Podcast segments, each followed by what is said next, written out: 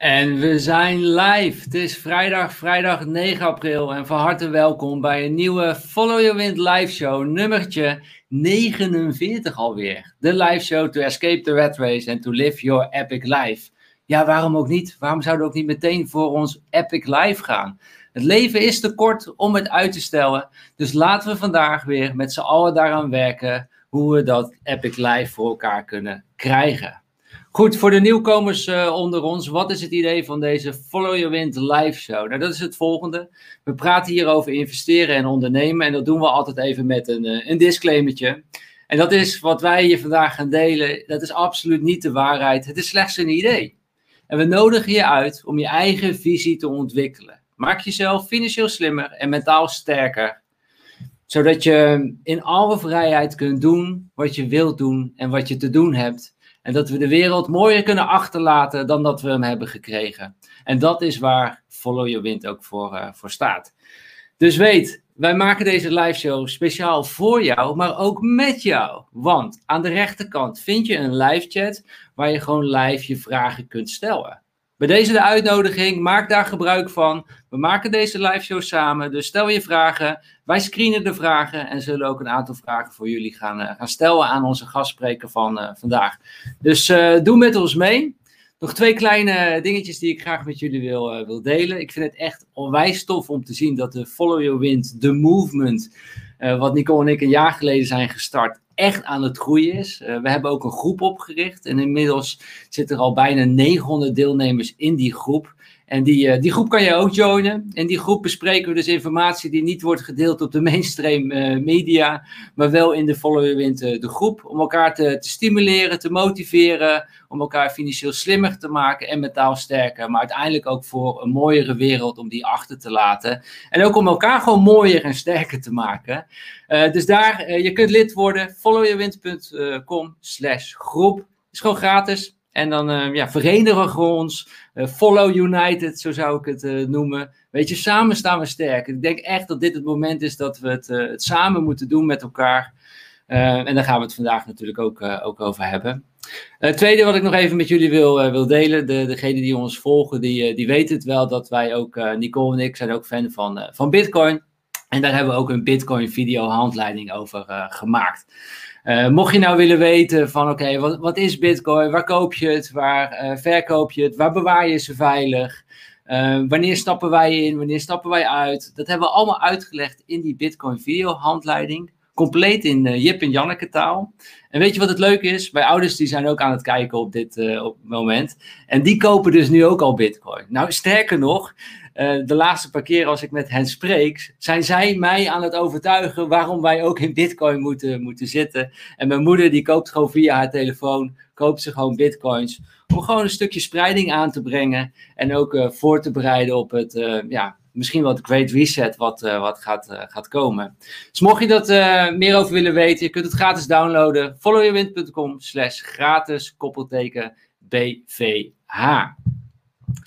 Goed, laten we erin duiken dan uh, vandaag. We gaan het dus hebben over de, de Great Reset. En in, ja, eigenlijk wel, ik wil eigenlijk twee smaken gaan uh, bespreken. Wel, wat voor smaken kan de Great Reset uh, eruit komen te zien?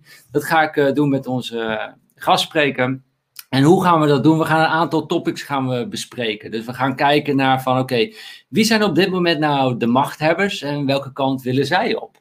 En welke invloed hebben wij als burger op de toekomstrichting waar we heen gaan. En waarom zitten we op dit moment in een vacuümtijdperk? En, en waarom gaat überhaupt onze maatschappij veranderen? Waarom gaan we van het industriële tijdperk wellicht naar een society 4.0? Waarom is dat nu? En waarom gaat arbeid in onze samenleving steeds minder belangrijk worden? En wat gaat dan wel belangrijk worden? Welke invloed gaat bijvoorbeeld blockchain en cryptocurrency hebben op onze maatschappij? En wellicht het belangrijkste voor ons allemaal, en waar jullie ook onwijs nieuwsgierig naar zijn, hoe bereiden we ons voor op de Great Reset? Hoe bereiden we ons financieel voor op de Great Reset? Dat gaan we ook bespreken in deze live show. Ik ga dat niet alleen doen, ik ga dat samen doen met onze gastspreker. Dus laat ik hem bij deze ook gaan, uh, gaan introduceren. Hij is een internationaal veelgevraagde spreker. Hij wil graag leiders in de private en publieke sector klaarstomen voor de komende economische en sociale revolutie. Maar zojuist zei hij ook, hij wil ook juist de jongere generatie, wil die klaarstomen voor die sociale revolutie die gaat, uh, gaat komen. En dat, dat jullie ook weten dat er gewoon heel veel mensen bezig zijn om echt de wereld mooier te maken en mooier achter te laten. Um, dus daar staat hij ook voor. Hij is uh, auteur en mede-auteur van uh, een twintigtal boeken. Heeft talloze artikelen, hoofdstukken, casussen, onderwijsnotities uh, geschreven op het gebied van strategisch management. zijn boeken over strategy worden gebruikt aan universiteiten en business schools in meer dan 70 landen. Hij is professor, dokter en geeft strategisch leiderschap aan de Nijenrode Business Universiteit. Zijn nieuwste boek heet Society 4.0 en vandaag is hij bij ons in de Follow Your Wind live show. Ik zou zeggen, geef hem een heel groot applaus. En jullie weten hoe jullie dat kunnen doen. Met dat duimpje onder deze video geef je dat grote applaus aan onze gastspreker van vandaag. Uh, abonneer natuurlijk eventjes, bijna dagelijks nieuwe video's. Jawel, geef een groot applaus voor professor Dr. Bob de Wit. Dag Stijn. Dag Bob, van harte welkom in de, de live show. Ik vind het echt een grote eer dat je bij ons uh, vandaag uh, even aanschuift. Dus uh, dank je wel daarvoor allereerst. Het is, het is wel wen hoor, een applaus en dan niks te horen. Maar goed, het maakt niet uit. Ik, ik ben... nee, normaal, normaal heb je natuurlijk een hele volle zaal. Ik, ik moet eigenlijk een tuentje doen en dat ik die kan inzetten en dat je dan zo'n heel publiek hoort, hoort juichen. Eigenlijk wel, ja. Ja, uh, Bob, de, de, de show heet ook de Follow Your Wind uh, live show. En we gaan het natuurlijk over de Great Reset hebben, over Society 4.0, uh, het boek wat jij hebt geschreven, hoe jij de toekomst ook, ook ziet en de mogelijkheden. Wellicht ook de, de mankementen van de, de, de reset die voorgeschreven worden.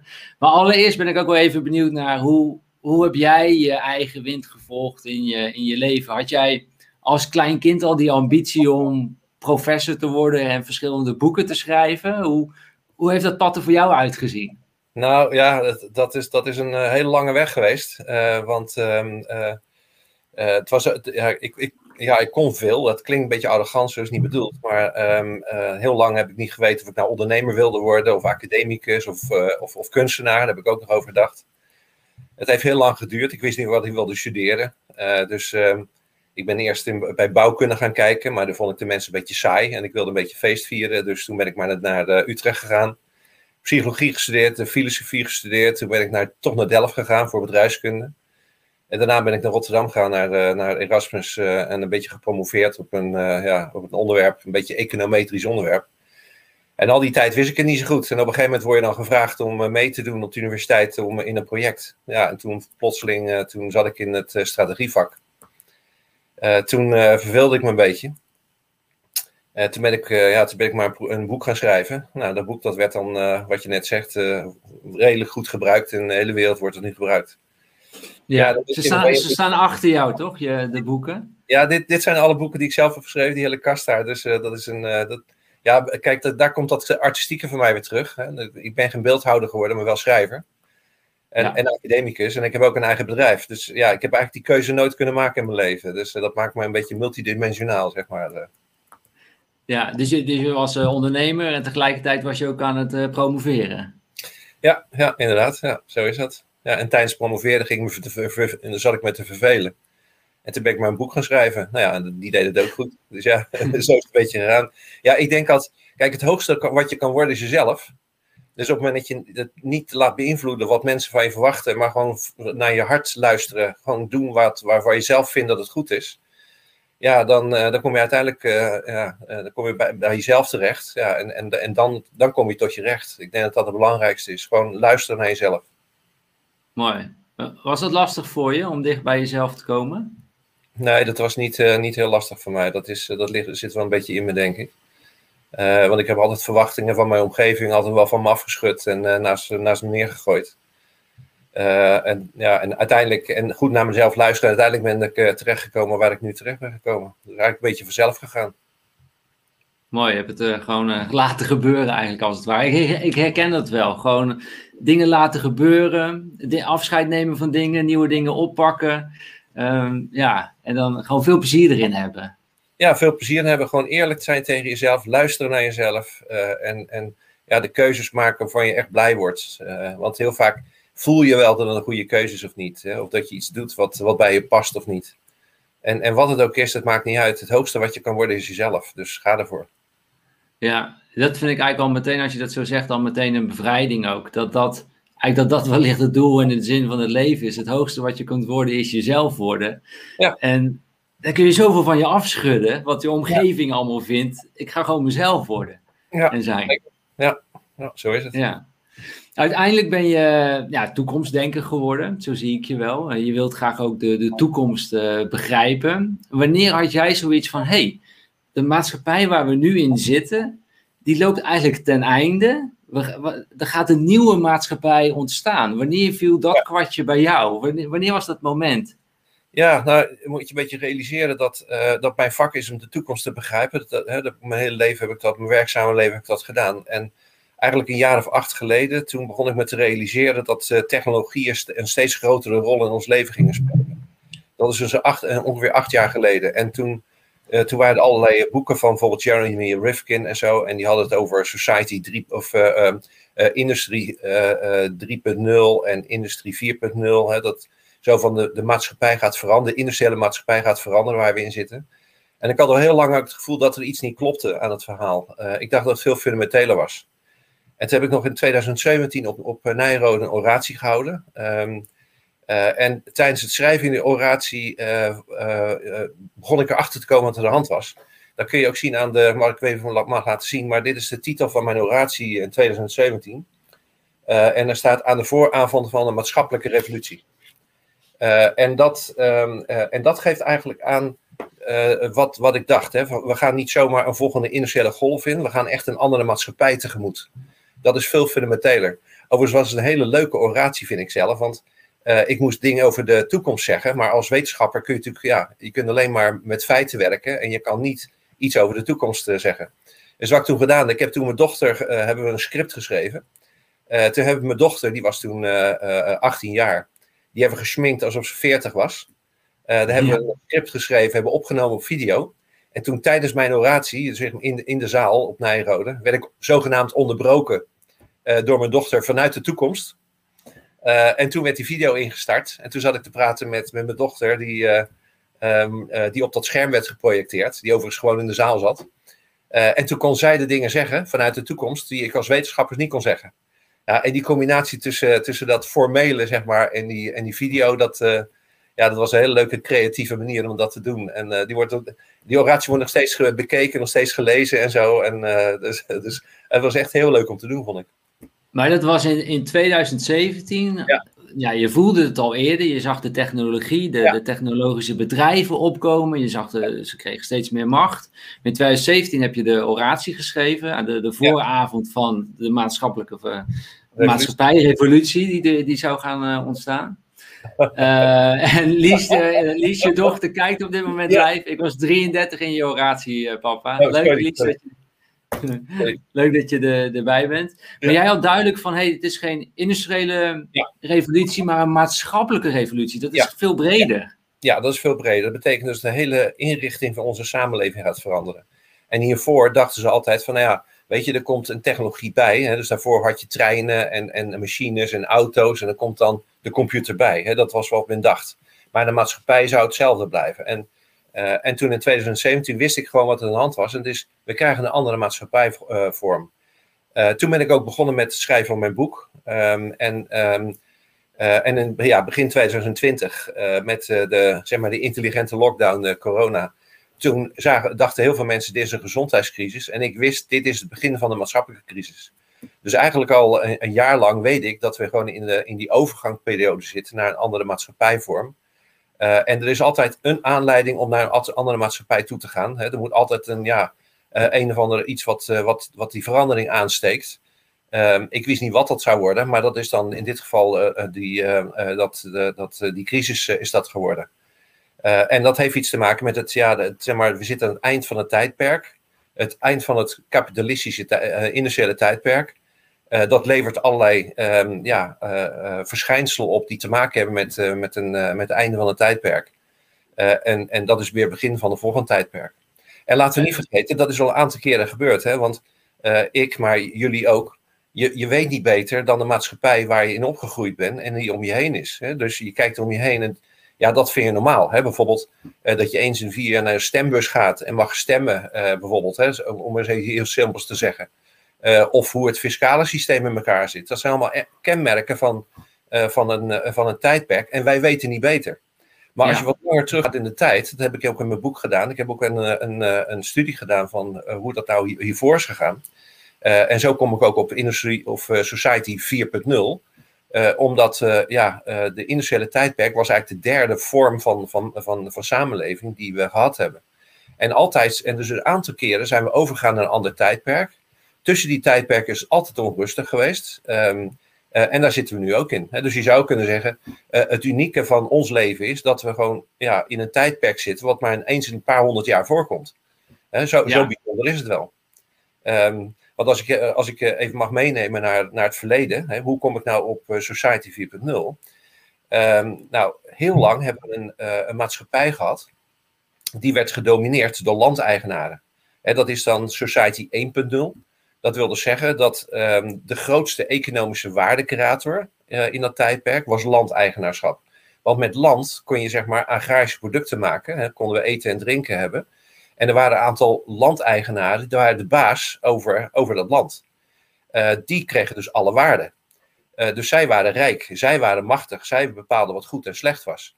En die andere 99%, ja, dat waren echt onderdanen, noemen ze dat. Hè? Dus de, die mensen waren onderdanen. Dat waren als het ware een soort van slaaf van die 1%.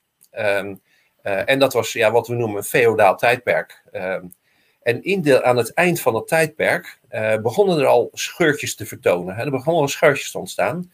En dat was met name, en Nederland is daar heel belangrijk in geweest. met name was dat in handelssteden. dus je had handelssteden zoals Enkhuizen en Rotterdam en Amsterdam en zo. en daar, daar was handel was een grotere economische waardecreator dan landeigenaarschap. daar ging je geld verdienen door te handelen, door inkoop en verkoop. En in die steden zag je ook dat landeigenaren waren in die steden eh, minder belangrijk. Er waren andere mensen die daar belangrijk werden. Dus dat waren handelssteden in een uh, agrarisch tijdperk. En op een gegeven moment was Nederland, uh, was eigenlijk de, de grootste economische waarde, werd gecreëerd door handel en niet meer door het hebben van land. Ja. Uh, en, toen zeiden we van, en, en de, toen zag je dus dat, dat er een machtsverschuiving ging ontstaan. en toen op enig moment, en dat is nu 440 jaar geleden, uh, hebben de Nederlanders een, een plakkaat van verlating ge, getekend. dat wil zeggen, we gaan de koning van Spanje verlaten. Dus we zeiden tegen de koning van Spanje, die op dat moment de, de grootste baas was van alle landeigenaren. Nou, bedankt voor de bewezen diensten, maar we gaan het lekker zelf doen. Toedeloe. En toen hebben we dus de plakkaat hebben we, hebben getekend. En toen zijn de burgers opgestaan. En acht jaar later zijn we een republiek geworden. dat, dat weet je nog wel. Nederland is een republiek van zeven provinciën geweest. en dat was omdat dat was de beste maatschappijvorm uh, om handel zeg maar, te ondersteunen. Toen zag je ook dat niet de landeigenaren de baas waren, maar er, werd, er waren eigenlijk twee nieuwe soorten bazen. Je had de regenten, dat waren burgers, gegoede burgers, die zeg maar de, de, de burgerzakenbelangen, regenten. En we hadden de handelaren, en die hadden de economische macht. Nou, dat was nog geen democratie overigens. Hè. Dat waren burgers die opstonden, die goed konden handelen voor de economische macht. En er waren burgers die zeg maar, namens andere burgers besluiten namen. Dat waren regenten. En dat, waren de, dat was de pijlers van het, van het handelstijdperk. Dat was overigens in Nederland het verreweg het meest succesvolle um, uh, periode van Nederland geweest. Want 40 jaar lang zijn we het rijkste en machtigste land ter wereld geweest. En toen waren er maar 1 miljoen mensen in Nederland. Hè? Moet je je voorstellen. En, en, dat deden we met schepen, hè? want wij, we zaten aan zee. Dus we konden niet alleen goed handelen, maar we konden ook heel goed schepen bouwen. Uh, en met die schepen gingen we ook handelen over heel de wereld heen. En dat was eigenlijk het handelstijdperk. Nou, en toen kwam de, uh, de uitvinding, en dat was ook echt een, een burgermaatschappij. Want bijvoorbeeld uh, scholen, dat werd niet door de overheid gedaan, dat werd door burgers gedaan. gezondheidszorg werd ook door burgers gedaan. Armenzorg, ouderenzorg, waren allemaal burgeractiviteiten. Vaak ook met kerken overigens. Hè? Maar het was dus een burgermaatschappij die zichzelf organiseerde. Um, nou, en toen kwam dus de uitvinding... En, nog heel even over dat feodale tijdperk dan. Um, dus, dus er waren leenheren en leenmannen. Er waren 1% rijken en 99% was eigenlijk de loonslaaf van de, van de rijken. Ja. Was er een overheid? Wat was de rol van de overheid toen? Nee, er was helemaal geen, er was helemaal geen overheid. Uh, in die tijd was het echt de landeigenaren waren de baas. Die, hebben, die hadden ook vaak een eigen leger, om eens even wat te noemen. Uh, dat waren, heel veel van die landeigenaren waren ook bezig met andere landen te veroveren om nog rijker en nog machtiger te worden. Maar zo'n overheid zoals we dat nu kennen, dat kennen we niet. Je had, je had wel op bepaalde steden had je wat ja, activiteiten die geregistreerd gingen worden en zo. Maar dat, uh, dat was niet de overheid zoals we dat nu kennen. Nee, dat was echt maar een heel klein, nee. een heel klein overheidje. En dus op een gegeven moment uh, een aantal mensen van die 99% die denken van hé, hey, ik zie handel in de handel, ik word ja. handelaar. Dan gaat er een transitie ontstaan. Hoe, ja. hoe verloopt zo'n transitie tussen die twee tijdperken? Nou, dat is heel onrustig, want um, Kijk, op een gegeven moment werd het duidelijk dat, uh, dat handel belangrijker werd. Uh, en ja, vond, vond iedereen, we moeten ons land zo gaan inrichten dat we goed kunnen handelen. En met alles wat erbij hoort. Um, nou, er waren een aantal ondernemende mensen, die zagen het heel snel en die pakten het heel snel op. Heel veel mensen die, ja, die waren een beetje passief en die dachten van nou, ik zie, ik zie het allemaal nog wel. Of, of ze, ze waren het ontkennen. Maar met name de, de landeigenaren, dat waren degenen die het laatste zagen dat we gingen veranderen. En dat waren ook de laatste die er belang bij hadden. Dus die landeigenaren hebben tot het laatst toe hebben ze tegengesputterd. en er zijn ook uh, stukken bekend dat, ze, dat die, landeigenaren zeiden van... Denk je nou echt dat een stelletje handelaren, vissers en, en kooplieden... Denk je nou echt dat ze de nobelheid hebben om een land te gaan besturen? Ha, ha, ha, ha. Ze geloofden het gewoon niet. En dat was natuurlijk niet in hun belang, was dat. Dus er, moest echt een, ja, er was echt een onrustige periode... waarin de burgers gewoon het recht in eigen hand namen... Uh, een plakkaat van verlatingen opstelden. En namens burgers uh, zeiden van, dames en heren, hartstikke bedankt, we gaan het echt zelf doen. Nou, dat gaf echt heel veel onrust. En dat heeft ook acht jaar geduurd, voordat er een republiek is uitgeroepen. Hè, dat is echt ja. acht jaar later is dat gebeurd. Uh, dus acht jaar lang is het heel onrustig geweest in die tijd. Ja, en dit was dus echt eigenlijk al een maatschappelijke revolutie. Want, ja, dat is echt, ja, dat is echt, ja, dat is echt een maatschappelijke revolutie. Ja. Want ja, je, gaat toen, toen... ja, want je gaat van de ene maatschappijvorm naar een hele andere maatschappijvorm. Ja, echt in, in dit geval een burgermaatschappij dan met regenten ja. en handelaren. Ja, inderdaad. Ja, klopt. En, ja. en dat, uh, toen zaten we in het tweede tijdperk, het handelstijdperk. Wat, wat is ja. de derde maatschappij die toen ontstaan is?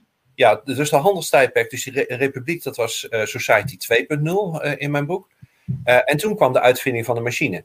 dat was 1764, was de uitvinding van de allereerste machine. Dat was een door stoom aangedreven spinnenwiel. Uh, Spinning Jenny heet die. Die staat nog steeds in het museum in Engeland. Want die bewaren alles daar, dat weet je.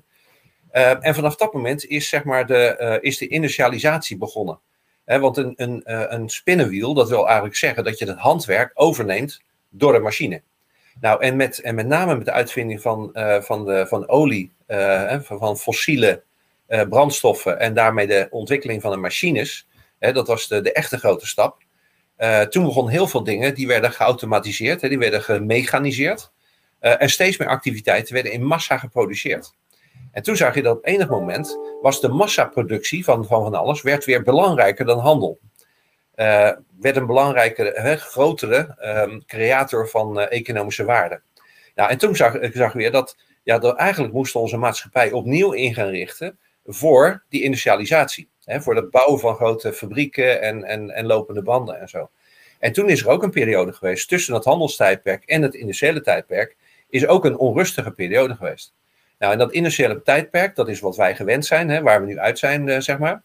Uh, en, en, en wat het daarvoor belangrijk werd, is dat uh, het was een economisch heel succesvol model overigens. Want we gingen in grote fabrieken gingen, we bouwen. Um, en er werden de grootste bedrijven, dat waren ook industriële bedrijven. Dus bijvoorbeeld een van de grootste industriële bedrijven was IBM. En die maakte overigens in die tijd typemachines, hè, nog, uh, nog geen computers. Ja. Nou, wat betekent dat dan, die industrialisatie? Er moesten grote fabrieken worden neergezet. Mensen gingen aan de lopende band staan. Iedereen doet een klein stukje. En aan het eind komen de typemachines eruit. En de typemachines werden weer gebruikt in, uh, in, uh, in kantoren. Nou, dat was dus massaproductie. En door massaproductie werden de producten goedkoper per stuk. En ze werden ook beter per stuk. Maar ja, daarvoor had je heel veel uh, kapitaal nodig, want al die fabrieken moesten gebouwd worden, al die machines moesten gebouwd worden. Dus de, de, de factor kapitaal, geld, werd ineens heel erg belangrijk. En heel veel mensen moesten aan het werk in die fabrieken. Dus ook arbeid werd heel erg belangrijk.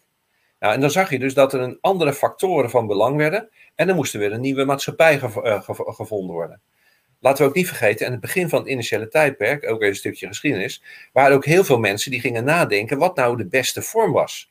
En misschien weet je dat wel, dat er waren allerlei filosofen die hadden het over kapitalisme en marxisme, leninisme, socialisme en al die ismes, zeg maar. Dat waren allemaal, ja, dat, dat was van, van mensen, uh, zoals ik zeg maar, dus denkers, academici, die nadachten van hoe ziet die nieuwe maatschappij er nou uit? Hè? Hoe kunnen we dat beste gaan inrichten? Er waren allemaal ja, verschillende invalshoeken hoe dat ging doen. Later blijkt dat in het initiële tijdperk het beste, wat het beste werkte in ieder geval, was niet uh, communisme of socialisme, maar dat was een combinatie tussen kapitalisme en een, ja, een, partijen, zeg maar een democratisch partijensysteem. En toen langzamerhand zijn we ook weer een andere vorm ingegaan, waarin die twee factoren, arbeid en kapitaal, heel belangrijk werden. Nou, daar werd, toen is pas democratie ingevoerd. Hè? Dat is nog nooit daarvoor gebeurd. Dus overigens een bepaalde vorm van democratie die we, die we kennen, namelijk een partijendemocratie. Uh, en dat betekent dat we een, een, maatschappij voor moesten kiezen om balans te vinden tussen arbeid en kapitaal. Nou, uh, en, dat, hè, dat, en, en dan hadden hebben we dus een, een democratie gemaakt met partijen op links en op rechts, hè, arbeid en kapitaal. Ja. Uh, ja, in, in, Engel, in Engeland had je de Tories en Labour, nietwaar? In Amerika je Democrats en Republicans. En in Nederland hebben we een iets andere vorm gekozen, namelijk je gaat stemmen en, en dan krijg je een kabinet met centrum links en dan centrum rechts en dan weer centrum links, centrum rechts. Hè? Dat, dat was het hele idee van, dat, uh, van de partijendemocratie. Um, en uh, dus je had echt de Partij van de Arbeid, nietwaar, aan de linkerkant. Ja, ja. Je had de Partij van het Kapitaal aan de andere kant en die hebben een iets andere naam gegeven. En we hadden ook een aantal religieuze partijen. Maar eigenlijk ging je stemmen om een beetje een balans te vinden tussen arbeid en kapitaal. En je had ook bijvoorbeeld de uh, uh, werkgeversvereniging en de werknemersvereniging, de, de, vakbonden. En die gingen onderhandelen over hè, waar moest, uh, hoe moest de waarde gecreëerd worden en verdeeld worden. Uh, dus die hele maatschappij uh, is daarop gebaseerd. Ook ons fiscale stelsel bijvoorbeeld. Want wij betalen belasting op arbeid. Hè, maar er moet wel arbeid zijn. Um, en, nou, en, en dus dat is het initiële tijdperk met, uh, met links en rechts. daarmee werden mensen ook veel meer, ja, steeds minder burger. Want burgers werden steeds, hè, wij burgers, jullie ook en ik ook, steeds passiever. Hè, we werden steeds meer geherdefinieerd tot consument. je mag één keer stemmen. En voor de rest was je een human resource, of niet? Hè? Nou, dat is, ja. echt, dat is nou echt een initiële term, nietwaar? Je hebt financial resources en je hebt human resources. Hè? Dus de mens is geherdefinieerd tot een, tot een arbeidsfactor. Nou, nu zijn er een aantal, aantal uh, dingen zijn aan de hand, waardoor bijvoorbeeld arbeid, betaalde arbeid althans, steeds minder belangrijk wordt. Um, en da, dus dat, dat, maakt dus ook dat factor arbeid in, in, die, in die democratie eigenlijk niet meer uh, een, een, rol speelt uh, op dit moment. En dat maakt dat er een overdreven belang is aan, aan het kapitaalgedeelte. Nou, en dat, en dat ontwricht zeg maar, onze maatschappij nogal. Uh, want geld wordt dan een, een, een doel en geen middel meer.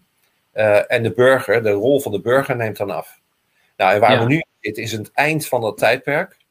Um, nu zijn het geen industriële bedrijven meer die het belangrijkste zijn. Uh, want die staan niet meer in de top 10. Maar dat zijn ja, nummer 1, 2, 3, 4, 5, dat zijn techbedrijven.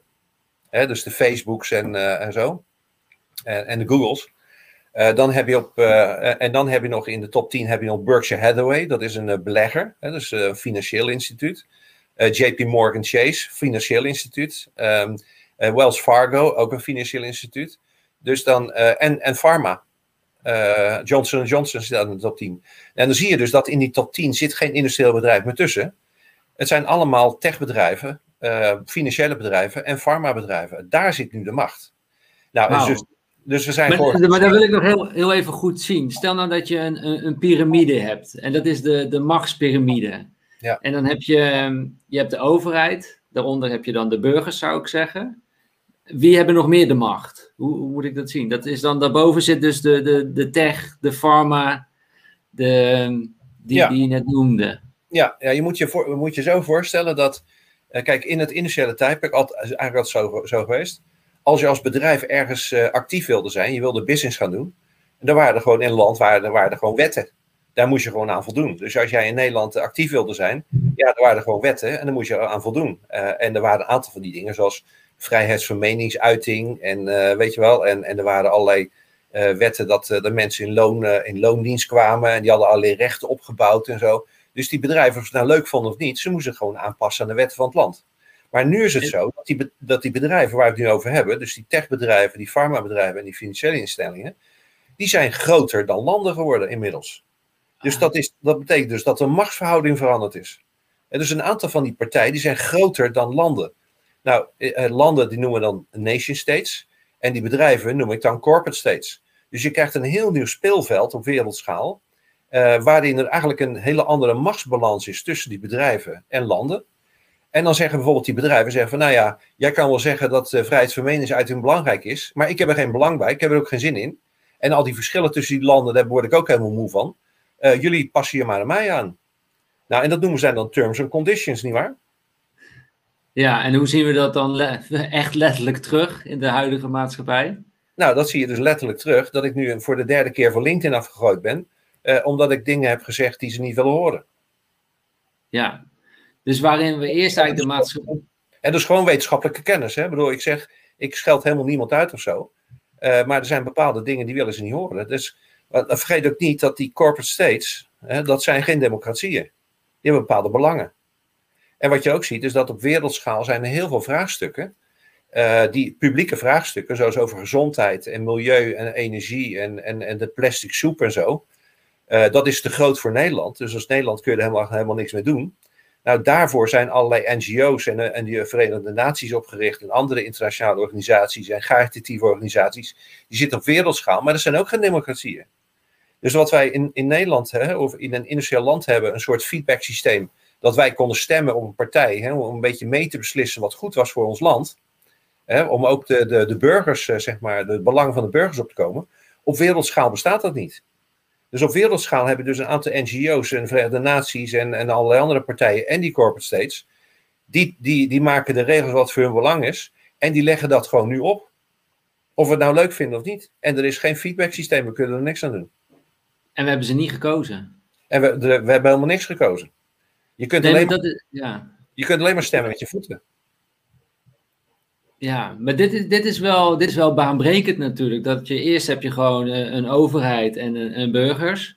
Uh, wij, wij mogen stemmen, wij stemmen op, partij, op partijen. Dat, dat vormt dan de overheid. Die zijn in het belang van ons, hè, dat is het idee. Uh, na vier jaar heb je, kun je ze wegstemmen als je wil. Ja. maar nu blijkt het dus dat er daar boven de overheid zijn dus die corporate states gekomen.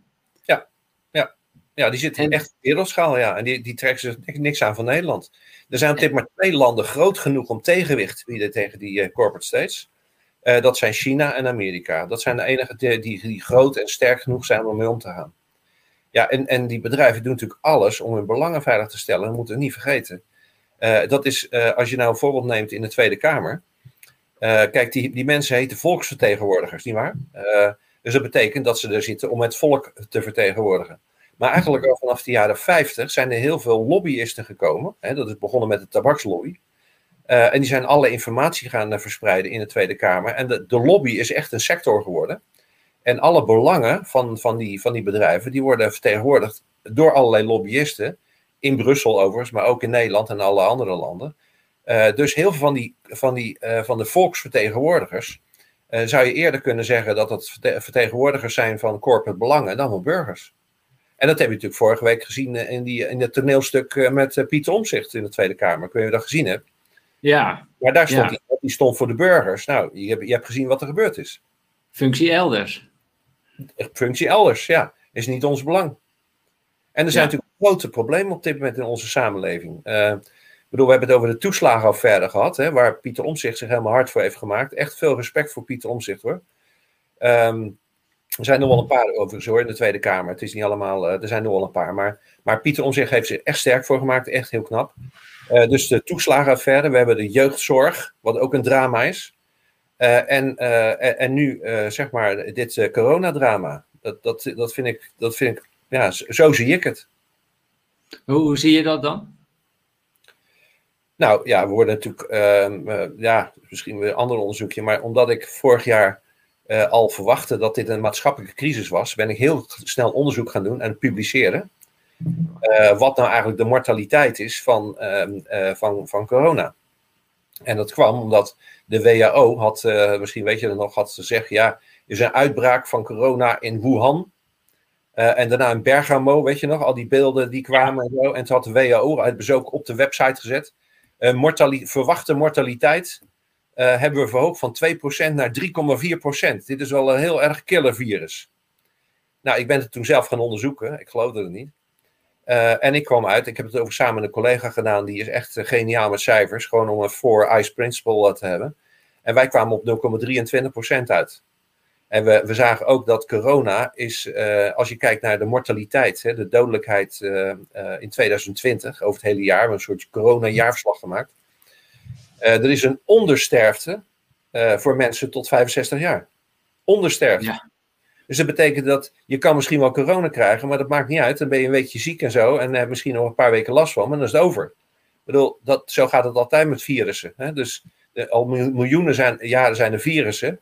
Er is er nog nooit eentje leuk tussen geweest. Het zijn altijd nare dingen, zoals deze dus ook. Hè? Dat moet het niet onderschatten. Maar als je, jong, als je jong bent en je bent gezond, heb je gewoon geen last van corona. Dan zijn die maatregelen om de hele maatschappij dicht te gooien en om meer controle te krijgen, eh, om, om de, de vrijheden te beperken, eh, om, uh, om, om een, een kroeg dicht te doen, om, om, om jongeren, zeg maar, dat heeft helemaal niks met een virus te maken. Want dat virus is namelijk niet ongevaarlijk, maar het, het is, staat in geen verhouding tot de maatregelen. Nou, dan weet je dus dat er iets anders aan de hand is. Ja, maar je zet me nu ook aan het denken natuurlijk. En um, is dat die corporate states, die hebben dus zoveel macht. En een van die corporate states, het zijn de techbedrijven, die financiële bedrijven, instellingen maar ook de pharma. Ja. Uh, als ik dan bijvoorbeeld het nieuws van een aantal weken geleden ook hoorde van uh, het vaccineren in Israël. Hè, ze zijn koplopen vaccineren, vaccinatiepaspoort. Maar er komt nu op een gegeven moment de, de, aap uit de mouw. En dat is dat je ieder half jaar moet je die prik halen. Ja. Nou ja, op mijn uh, Casio rekenmachine, ik kan het aantal nullen niet meer erop zetten. Zo, zoveel gaat die pharma dus verdienen. Ja, nou dat is dus het doorgeslagen kapitalisme. Hè? Um, uh, en, en dat is natuurlijk met heel veel dingen gegaan. Bijvoorbeeld ook voedsel. Hè? Dat is om een ander voorbeeld te nemen. Voedsel is natuurlijk ook geïndustrialiseerd. En, en om ervoor te zorgen dat, dat, je, dat je bijvoorbeeld groenten niet weggooit, is er allerlei rotzooi overheen gegooid om het, om het, om, om het te conserveren. Maar dat maakt ook dat ons voedsel, wat wij, wat wij krijgen van de, van de grote voedselfabrikanten, is niet zo gezond als, als gewoon voedsel, hè? Als, van, van vers voedsel. Dus, dus ook die wereld is zo gemaakt, en ze hebben het allemaal verdund en, en allerlei andere dingen gedaan, om de winstmarges te verhogen. Maar dat is niet gezond.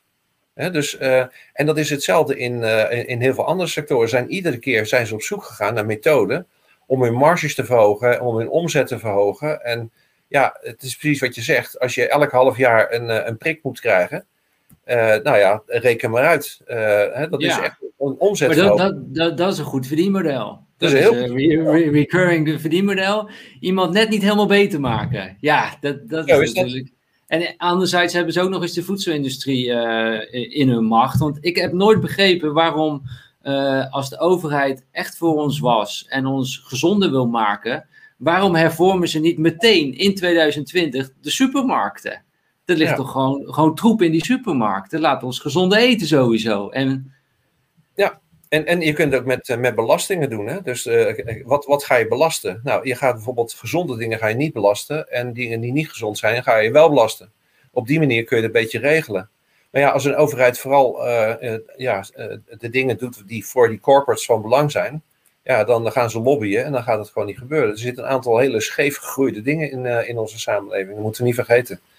Ja. Nou, en, en um, ja. Ja. Dus, nou, en, um, maar nog heel even terug naar die, uh, die machtspyramide, waarin we dus de, overheid en de burgers hadden. En eigenlijk was dat de start van het industriële tijdperk, waarin we op zoek waren naar balans tussen arbeid en kapitaal. Wat eigenlijk ja. onwijs goed werkte met een overheid en de burgers, waar iedereen zich in kon vinden. Alleen ja. uiteindelijk is dat doorgeslagen in te veel kapitaal. Ja. Daardoor zijn die, die corporate states ontstaan van uh, de pharma, financiële instellingen en nu ook de, de techreuzen. Ja. Is, is er nog een groep? Is er nog een groep elite die daar weer boven staat? Hoe, hoe zie jij dat, die complete machtspyramide? Nou, um, dan, dan is er nog één ding wat ik erbij moet vertellen. En dat is het kapitalisme zelf. Ook ook even toelichten. Uh, kijk, toen in het, in, in het handelstijdperk, uh, toen we een burgermaatschappij waren, was het prima als je macht had of je had geld. Hè, dat mocht prima. Maar als je dat had, dan ben je wel geacht om iets terug te doen van de maatschappij. dat, dat is zeg maar de winstgevendheid en verantwoordelijkheid. Zeg maar, die tweede moest een balans in zijn. En als je macht had en je misbruikte het, dan werd je gewoon uitgekotst. Of als je heel rijk was en je deed niks terug voor scholen en kerken. En dan deed je ook niet meer mee. En dan werd je gewoon uitgestoten. Dat heette dus, en dat, en dat is het begin geweest van het, uh, van het industriële tijdperk. Waarin dus een, een, een balans werd gemaakt tussen het maatschappelijk belang zeg maar, en de winstgevendheid. Dat noemen ze ook stakeholder capitalism. dat wil zeggen dat niet alleen maar de aandeelhouders van belang, maar als je geld hebt, dan moet je ook andere stakeholders, maatschappelijke stakeholders, moet je ook goed voor zijn. Uh, dus, die, dus die kapitalisten, die waren heel goed voor de maatschappij. Hè? Bijvoorbeeld, en, uh, en er zijn een aantal hele goede voorbeelden van. Uh, in bijvoorbeeld Henry Ford stond erom bekend. Hè? Die was degene die, van, de, van die auto's, hè, die Ford-auto's. En die stond erom bekend dat hij altijd heel maatschappelijk verantwoordelijk bezig was. Hij betaalde zijn mensen goed en goede omstandigheden. Hij zorgde voor huizen. Was heel, dus dat was een balans tussen die maatschappelijke verantwoordelijkheid en, en dat geld. In 1970 is een artikel verschenen uh, van Friedman. En dat ging over shareholder capitalism. Dus dat was een andere benadering van kapitalisme. En die zei van het enige belang, het enige maatschappelijk belang van een, aantal, van een aandeelhouder is om veel mogelijk geld te verdienen. En dan krijg je daarna een soort trickle-down effect. Hè? Als, je, als, je maar, als dat kapitalisme goed werkt, nou dat trickles down in de maatschappij. Hè? Dat, zo is dat ook uh, in Nederland en in Engeland ook in de politiek geïntroduceerd. Hè? We moeten meer naar hè, wat we ook al neo neoliberalisme noemen. Hè? Dus dan is het geld op zich is een doel op zich geworden. Nou, en vanaf dat moment zag je ook dat, uh, dat er een omwenteling kwam. Hè? Een andere, andere soort manier van denken over kapitalisme. Waarin als je, als je geld had, dan hoef je dat niet meer te delen. Nee, je moest ervoor zorgen dat je zoveel mogelijk had. Want ja, er was een trickle-down effect. Nou, dat heeft ervoor gezorgd dat er heel veel cumulatie van, van, uh, van geld is terechtgekomen. Als je nu kijkt naar de verdeling van, van waarde over de samenleving, dan is dat vanaf de jaren 70, dus ongeveer vanaf dat uh, Friedman-artikel. Um, uh, je weet nooit wat oorzaak en gevolg is, hè, maar uh, dat is daar enorm veranderd. Als je nou weet dat vanaf de jaren 70 is de, de waarde die de onderste helft van de maatschappij mag verdelen, is gehalveerd. Hè, dat betekent dat de onderste helft van de maatschappij is armer geworden. Hè, die is gehalveerd wat ze mochten verdienen. En de waarde die de rijkste 1% mogen verdienen is verdubbeld. Dus dit is een trend die al vanaf de jaren 70 bezig is. Dat is best een hele, hele lange tijd. En dan gaat, elk jaar gaat maar met, met een klein procentje of zo, weet je wel. Het gaat heel langzaam. Maar als je dat 20 jaar volhoudt, ja, dan zie je dus een accumulatie van, uh, van, van kapitaal uh, bij een 1% zitten. En dat is een wereldwijde 1% hè, in dit geval, hè, niet, niet op landniveau. Um, dus je ziet ook dat uh, die grote beleggers, die aandelen, die financiële partijen waar ik het over had, uh, ja, er zijn een aantal van die beleggersgroepen en die, die hebben eigenlijk belangen in al die bedrijven. Zowel in Coca-Cola en Pepsi en, en Unilever en zo. Dat is allemaal geaccumuleerd in, in, in, een grote groep. Die eigenlijk de hele wereld, hè, de kapitaal van de wereld, uit, uh, aanstuurt vanuit, vanuit dat terrein. Nou, dat is dan het geldgedeelte. Ja, dan heb je dus dat die techbedrijven, die werken ook wereldwijd, zoals je weet. En die zouden groter dan landen worden. Ja, en met die, met die technologie kun je heel veel controle hebben over mensen. Uh, het, het, voorbeeld daarvan is uh, China. Hè, met de, de, Social Credit Score, hè, de Citizen Score. Um, elke, elke Chinees die, die heeft een Citizen Score, een burgerscore. En alles wat ze doen en laten wordt meegenomen, die score. Dus hoe ze surfen, hoe ze betalen, hoe ze in het verkeer zijn Weet je wat ze, wat, ze, wat ze in het openbaar zeggen, hoe ze met de buren omgaan, enzovoort, enzovoort. Alles wordt meegenomen. En hebben ze hoog scoren. En als je een hoge score hebt, nou prachtig. Krijg je een paspoort en een rijbewijs. Je, je kinderen mogen naar school, je krijgt gezondheidszorg. En heb je een te lage score, dan krijg je geen paspoort, geen rijbewijs. Je kinderen mogen niet naar school en je krijgt geen gezondheidszorg. Dus die technologie heeft het in zich om controle te hebben over de burger. Nou, dat zijn de grote factoren waar we nu mee te maken hebben. En hoe gaan we er, hè, dus als je, als je, nu, als je deze factoren meeneemt, dus accumulatie van, van macht en, uh, en, en geld, en de mogelijkheid met technologie om controle te hebben, um, ja, dan krijg je dus echt weer een nieuwe controle over. Dus de, de potentie is om volledige controle over de burger te krijgen. Ja, dat, dat heb ik ook wel eens in. Ja, maar, maar we hebben dus uh, burgers, overheid, corporate states uh, en daarboven zit nog de 1% rijken. Zijn de, ja ongeveer. Is, een groep, is dat een groep mensen? Zijn het elite? Zijn het families? Is het, hoe moet ik het zien? Uh, dat zijn investeerders. Ja, zijn investeerders, grote beleggers. Uh, er zitten ook heel veel oude families zitten erbij. er zijn wel een heel mooi filmpje hoor. Als je dat wil, kan ik je er wel toesturen voor je, voor je kijkers. Ik heb er een heel mooi filmpje van. van iemand die het helemaal uitgezocht heeft. Ook een jonge gast. echt een heel goed filmpje. Dan kun, je het, kun je het wel even kijken. Ja, het is wel mooi. Mooi als we die als linkje onder de video kunnen, kunnen, kunnen plaatsen ook. want ik heb laatst inderdaad ook zo'n filmpje gezien waarin dus bleek van oké, je hebt Pepsi en je hebt Coca-Cola. En in ons beeld, in mijn beeld, waren dat twee concurrenten van elkaar. Maar als je dan gaat kijken naar de aandeelhouders, dan zit dezelfde investeringsmaatschappij er evenveel in. Exact. Dus, dus, dus ja, daar, daar zitten hele andere uh, belangen in. Ja, dat is die accumulatie. Uh, ja. Ja, en waarin eerst... Ja, en er is nog één ding wat je niet moet vergeten. En dat is dat ook het fiscale systeem is op, is op, op het oude industriële tijdperk gericht. Want die grote internationale bedrijven, die betalen helemaal geen belasting. Die hebben allerlei constructies gemaakt en die zitten in landen waar ze dan, uh, waar ze dan een belasting betalen. En er zijn heel veel, dus eigenlijk is het zo dat ze, ze, hebben, ze halen dus wel alle inkomsten weg, maar ze betalen eigenlijk geen belasting. Ja, nee, wat je zei, de belasting zit op arbeid natuurlijk. Ja. Uh, maar veel minder op het kapitaal. Zo is dat. En ook niet op data. en, en ook niet op data. Ja. Um, ik, wil nog heel even terug naar die corporate stage. En naar, om, om voor mensen ook duidelijk te maken uh, wat voor invloed die um, hebben. Want je hebt een. Um, je hebt de rol van de overheid, je hebt de, de corporate states. En volgens mij was het zo dat in het industriële tijdperk was eigenlijk de rol van de overheid gewoon in de publieke sector was van we gaan gewoon wegen bouwen voor jullie, we faciliteren het voor jullie en dan kunnen jullie er gebruik van maken. Hoe, hoe ziet nou die verdeling eruit van de publieke en private uh, sector en met de corporate states? Is dat ook veranderd? Ja, het, het is, uh, uh, kijk, langzamerhand in dat initiële tijdperk moesten zoveel mogelijk mensen aan het werk gaan. Dus er steeds meer is, er, is er uitbesteed naar de overheid. en dat is voor jullie tijd, hoor, maar ik heb nog wel meegemaakt dat, dat ze zeiden van ja, dus vadertje staat, die gaat wel voor jullie zorgen.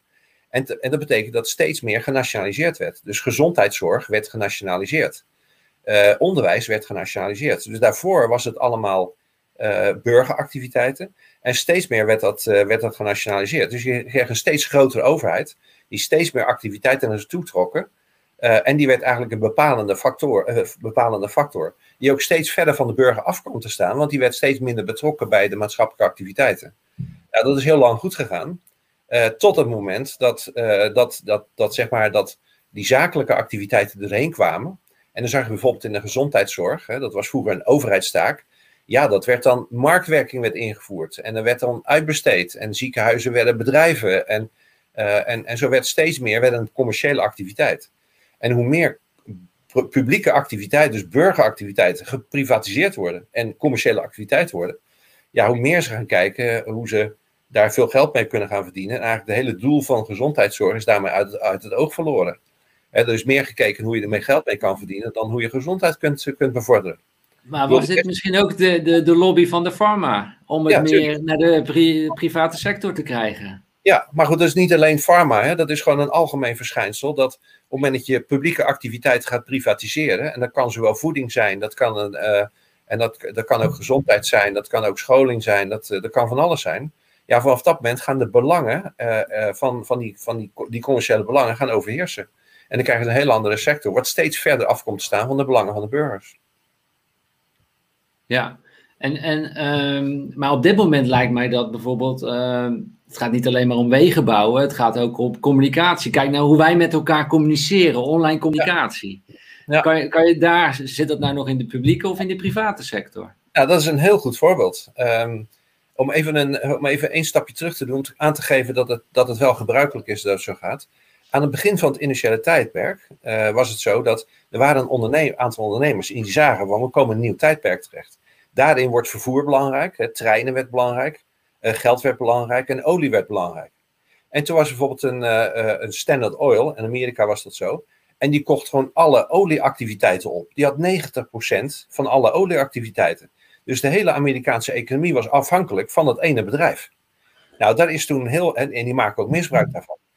Toen is er een enorm publiek debat geweest. Uh, dat is ook het begin geweest van die antitrust law. Wat wil zeggen van monopolisten, dat is niet goed. Hè? De marktwerking met, met monopolisten werkt niet. Dus er, moet een, hè, er moeten minstens drie uh, uh, partijen moeten concurrent van elkaar zijn.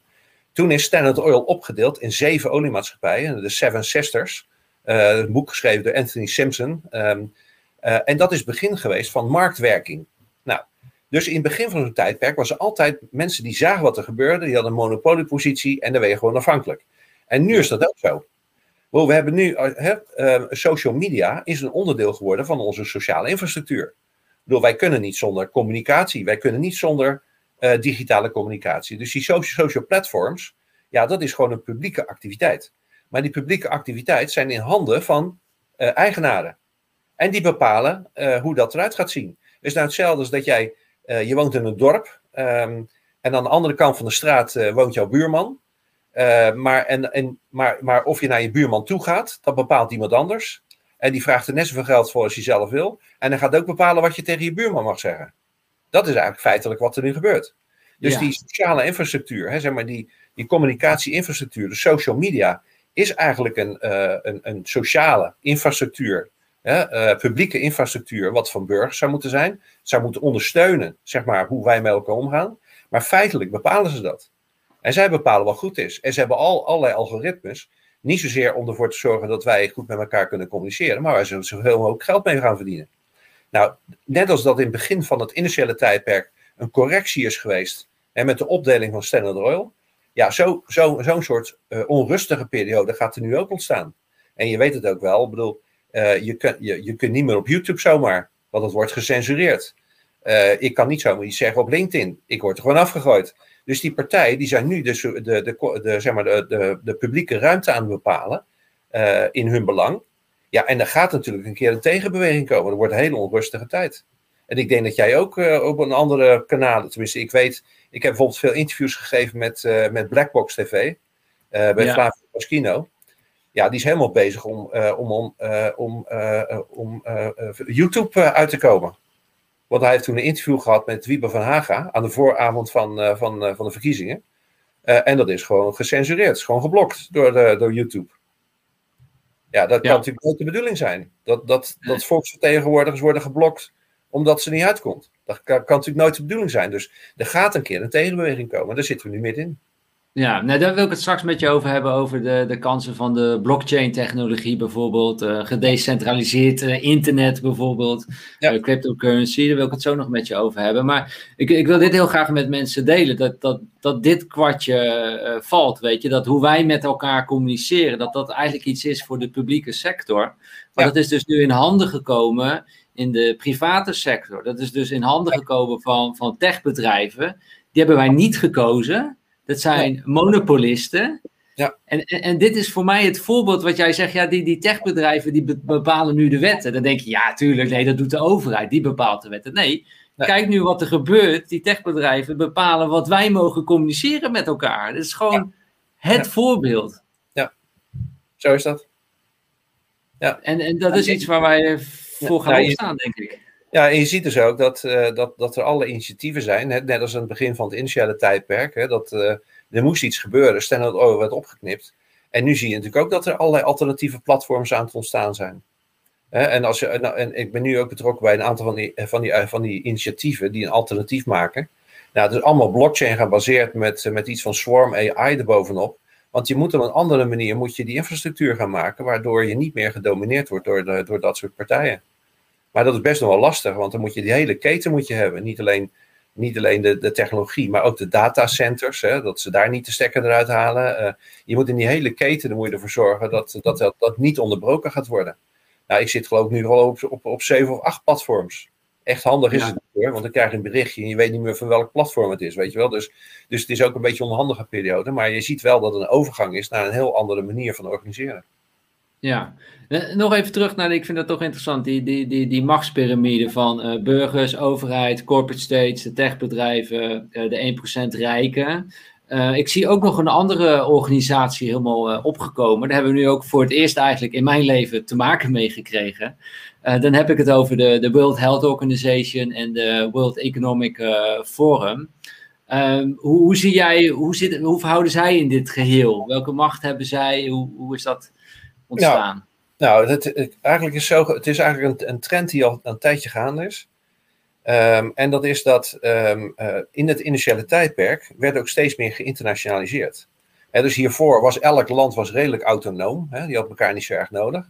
Maar door die initialisatie werd er ook, ge, werd er ook ge, geïnternationaliseerd. Dus die bedrijven werden ook internationaal. En die, die gingen, nou daar hebben we natuurlijk in Nederland ook al een aantal van gehad, van bijvoorbeeld Philips of zo. Die gingen internationaliseren naar heel, heel de wereld. Nou, er kwamen er allerlei ja, coördinatievraagstukken. We moesten zorgen dat de importtarieven werden genormaliseerd.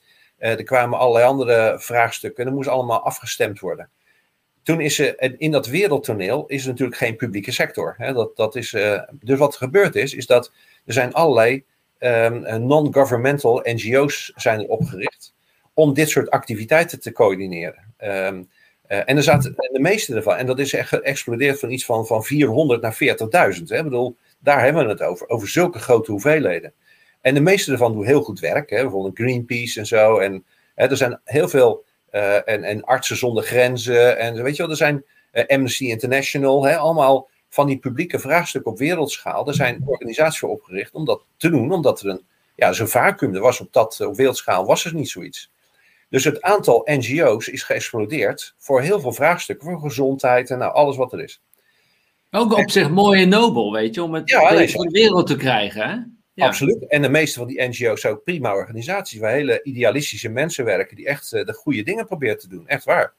ook voor vluchtelingen en, en, en, en voor gezondheid. Ik bedoel, de meeste die deugen en die doen heel goed werk. Uh, mogen blij zijn dat ze er zijn. Maar het betekent wel dat in dat wereldtoneel uh, zijn er heel veel NGO's. Hè, dat zijn nogmaals geen democratie. Hè, de meeste werken wel goed, maar, hè, dat is, maar een aantal, uh, ze zijn geen democratie. Uh, een aantal van hebben heel veel macht gekregen. En het is met name die NGO's die heel dicht zitten bij die commerciële belangen. ja, dan krijg je dus een, een accumulatie van geld en macht op wereldtoneel. Nou, en zo komen dus organisaties als de WHO en World Economic Forum naar voren. Want die, die, die, eh, die staan op en zeggen ja, op wereldschaal moeten we iets gaan doen. Um, en uh, nou, WHO zit dan in het gezondheidscircuit, wat ik al zei, hè, met, met die pandemie die uitbrak. Um, hè, een mortaliteit van 3,4%, nou dat bleek 0,23% te zijn. ze hebben de definitie van pandemie veranderd onderweg. ze hebben de definitie van immuniteit, groepsimmuniteit veranderd. Hè. In plaats van dat iedereen de ziekte gehad heeft of een keer aanraking, moet iedereen gevaccineerd zijn. Dus en daar zie je dat publieke belangen en commerciële belangen natuurlijk daar, ja, wordt stapje voor stapje wordt dat met elkaar vermengd. Uh, en de vraag is of dat in belang van, van de burgers is. En de World Economic Forum, want ik zag al een paar vragen over de Great Reset. Uh, dat is ook zo'n zo'n organisatie die eigenlijk de, ja, een, een, een, rol pakt in dat, in dat wereldwijde toneel. En die zegt, we moeten eigenlijk nu wel wat meer gecoördineerd actief, uh, actief zijn. Uh, want uh, ja, we hebben de planeet uh, zitten we een beetje te vervuilen. En we hebben opwarming en we hebben allerlei andere vraagstukken. daar moeten we iets aan doen. Nou, daar ben ik het helemaal mee eens. Hè. Dat bedoel, daar, daar ga ik het niet mee oneens. Zijn ze helemaal over eens. Alleen, zij zeggen dat dat gaat niet lukken als we alle landen zelf laten doen wat, goed, wat ze goed vinden. Want dat gaat niet worden. Maar er moet een partij zijn die de regie pakt. en die zegt van, dames en heren, we gaan de planeet redden. en dat gaan we doen onder onze regie. en dat noemen ze dan de Great Reset laten wij eens even, eh, alle, even op heel opnieuw gaan, gaan kijken wat er nou goed is voor de aarde. Hoe kunnen we hem redden? Hoe kunnen we hem schoon krijgen? Ehm, en uh, ja, degene die dat gaat doen, dat zijn wij. Nou, en, en de World Forum is ook weer geen democratie. En die kunnen, we kunnen ook niet stemmen. Er is ook geen feedback systeem.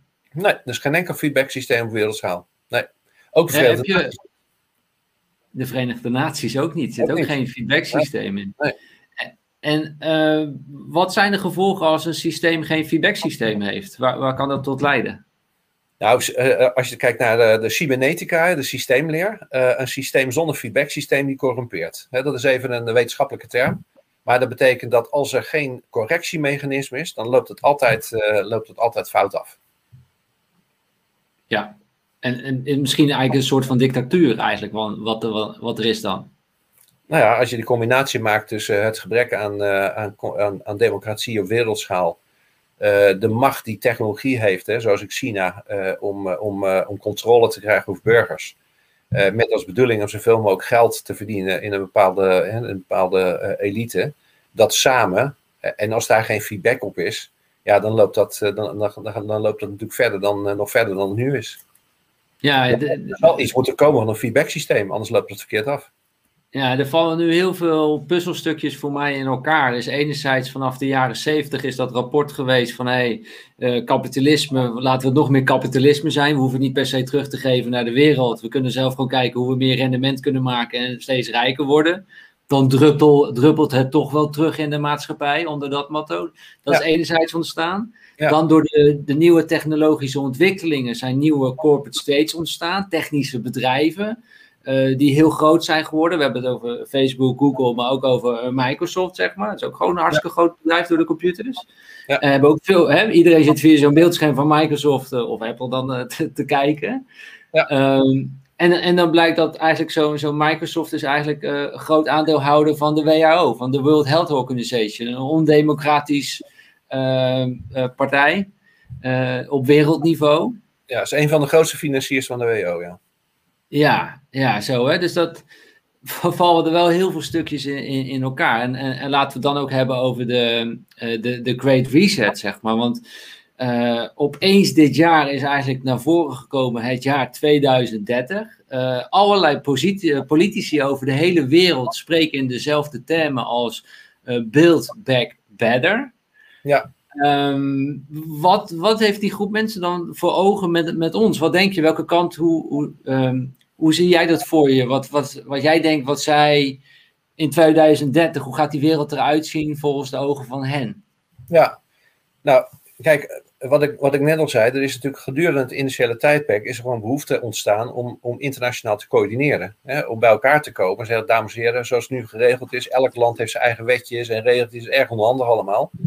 Uh, dus we moeten even zorgen dat we gaan coördineren. Dus heel veel van die wereldleiders zijn bij elkaar gaan zitten en zeggen van nou, we gaan het zo organiseren, want daar hebben we allemaal belang bij, hè, een soort algemeen belang. Maar dat betekent ook dat daar heel veel macht naartoe is gegaan.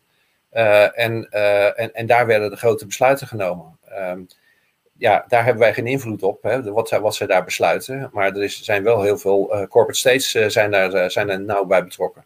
Dus wat eigenlijk, de, in mijn boek heb ik dan ook de, de, de Great Reset, heb ik een andere woord gegeven. En namelijk de Elite Reset want de, feitelijk, weet je nog, uh, Society 1.0, dat was een feodaal tijdperk met 1% eh, landeigenaren die, uh, die hadden alles te vertellen. En er was ook geen democratie. In feite natuurlijk, wat zij voorstellen is dat er nu maar nieuwe wereldschaal een elite komt van, van, ja, van, van, van aandeelhouders, van, van machthebbers, van, van, van geldhebbers, technologiehebbers. Uh, die de regie nemen over, over de wereld. Overigens om goede dingen te doen. Hè? Dus uh, de, de, schone aarde maken en zo. en sustainability. Hè? Dus die doelstelling. Nou, kijk, maar dat, dat, dat, is het ook. Ze hebben ook wel. Ik vind ook dat ze hele, hele sterke punten en argumenten hebben. Van de, wereld schone. voor iedereen een basisinkomen bijvoorbeeld. Het idee is heel, heel nobel natuurlijk. Ja, het idee is um, nobel. Alleen het, het feit dat zij, als elite. Uh, daar de regie pakken, ook alle macht pakken, zeg maar. En zij bepalen wat er goed is uh, voor mensen. Um, ja, daar kun je vraag bestellen. En, en zo komen die wereldlijst bij elkaar. Dan wordt er dus bij, die, uh, bij zo'n WHO wordt, er, wordt dat voorbereid, een plan gemaakt, hè, 2030 en zo. en die maken een, allerlei one-liners. Nou, dan zie je al die wereldleiders dezelfde dingen zeggen. Ja, we build back better, hoor je dan overal zeggen, weet je wel. wat het ook verder betekent. Uh, maar in mijn boek zeg ik dan, ja, dit is eigenlijk een soort uh, elite reset. Hè, weer terug naar een feodaal tijdperk. Uh, waar het nu niet gaat om landeigenaarschap, want dat is niet de grootste creator van economische waarde. Maar het gaat er nu om geld en, en om data en technologie. en die zorgen ervoor dat, dat je weer een soort elite krijgt, maar dan op wereldschaal. Nou, de vraag is of dat goed is voor de burger. Hè? Dus hoe great is de Great Reset voor burgers eigenlijk? Dat is eigenlijk de, ja. de basisvraag. Ah, dus maar eigenlijk is het in ieder tijdperk, als we naar een nieuw tijdperk gaan, is er altijd weer een groep mensen, mensen die ziet van hé, hey, nu, uh, nu worden handelen be belangrijk, nu worden machines belangrijk, nu uh, wordt kapitaal belangrijk en nu wordt dus data belangrijk, communicatie wordt belangrijk. Ja, ja. En eigenlijk hebben ze dat al in handen. Nou ja, kijk, in, eigenlijk is het altijd zo gegaan in, van het ene tijdperk naar het andere tijdperk. Um, er zijn altijd mensen die zien het niet. Hè. Dat zijn, uh, ja, er zijn een beetje, een, een beetje passief, uh, passieve wappies, hè, zou ik maar zeggen. die doen niet zoveel, denken dat het allemaal goed komt. je hebt een aantal mensen die zijn wakker. Die zeggen van, nou, dat, zo, moet, zo willen we het niet hebben. Die gaan actief gaan ze nadenken hoe het wel moet.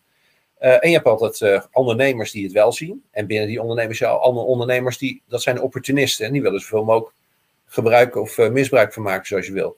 En wat ik een voorbeeld gaf van, van Standard Oil. Ja, die, die ondernemer, John D. Rockefeller van Standard Oil, die zag het hartstikke goed. Dat was een hele goede ondernemer. Uh, maar in plaats die zegt van nou laten we het nou zo doen dat iedereen er voordeel bij heeft, dat hij het zo probeert te organiseren dat alleen hij er voordeel bij heeft. Ja. Nou, en, en, die opportunisten heb je eigenlijk altijd tussen twee tijdperken in. He, dat zijn goede, goede ondernemers, die zien de, de mogelijkheden, die zien wat het, uh, wat het kan. Alleen ze komen niet op het idee om het zo te gaan doen dat het voor iedereen goed is. Ja, en dat, ja. Dat, daar hebben we nu ook last van. Ja, en jij beschrijft dat ook. We zitten nu in dat vacuüm tijdperk. En in, in, die overgang daarna. Uh, Er is nog helemaal niet vastgesteld hoe het gaat zijn, het volgende tijdperk. Ik wil daar ook met mensen over hebben. Mensen vragen ook in de chat van oké, hoe ga ik me hier tegen uh, beschermen? Daar wil ik ook na, na, naartoe gaan. Maar nog, nog, ik wil nog heel even die, die Great Reset, hoe die beschreven wordt op, op, op wereldniveau. Hè. Er is bijvoorbeeld ook uh, professor Klaus Schwab.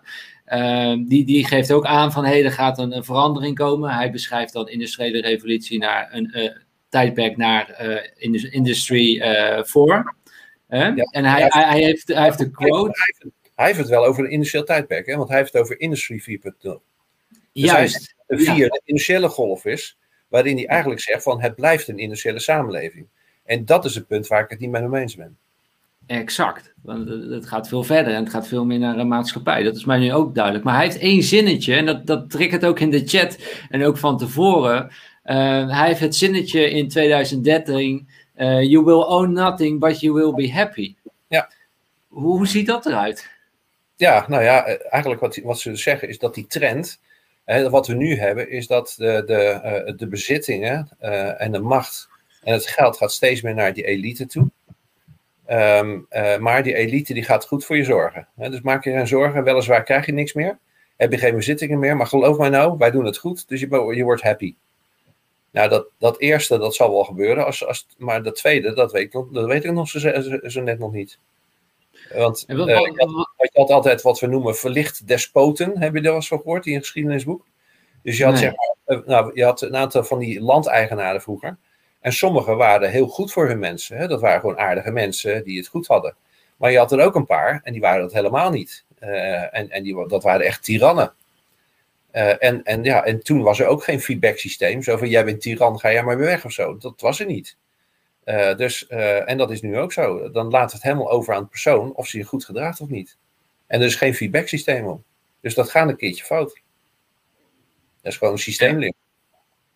Ja, maar, maar hoe gaat dat eruit zien? You, you will own nothing, but you will, you will be happy. Ik kreeg ook vragen van, even kijken hoor, bijvoorbeeld uh, Frank die zegt van, uh, ja, hoe gaat het dan met je, je hypotheek? Je hebt een deel van je huis al afbetaald en je, je hebt nog een deel hypotheek. You will ja. own nothing. Ben je nog bezit van je eigen huis? Hoe, hoe, hoe ja. in de praktijk?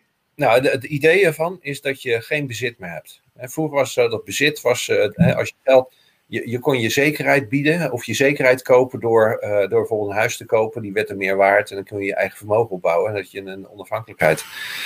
Maar wat je steeds meer ziet is dat uh, bezit wordt niet meer belangrijk. Hè? Uh, vroeger was het zo dat als je, um, als je geld verdiende en dan kocht je een auto, hè? dan had je auto voor de deur. Dat was jouw bezit.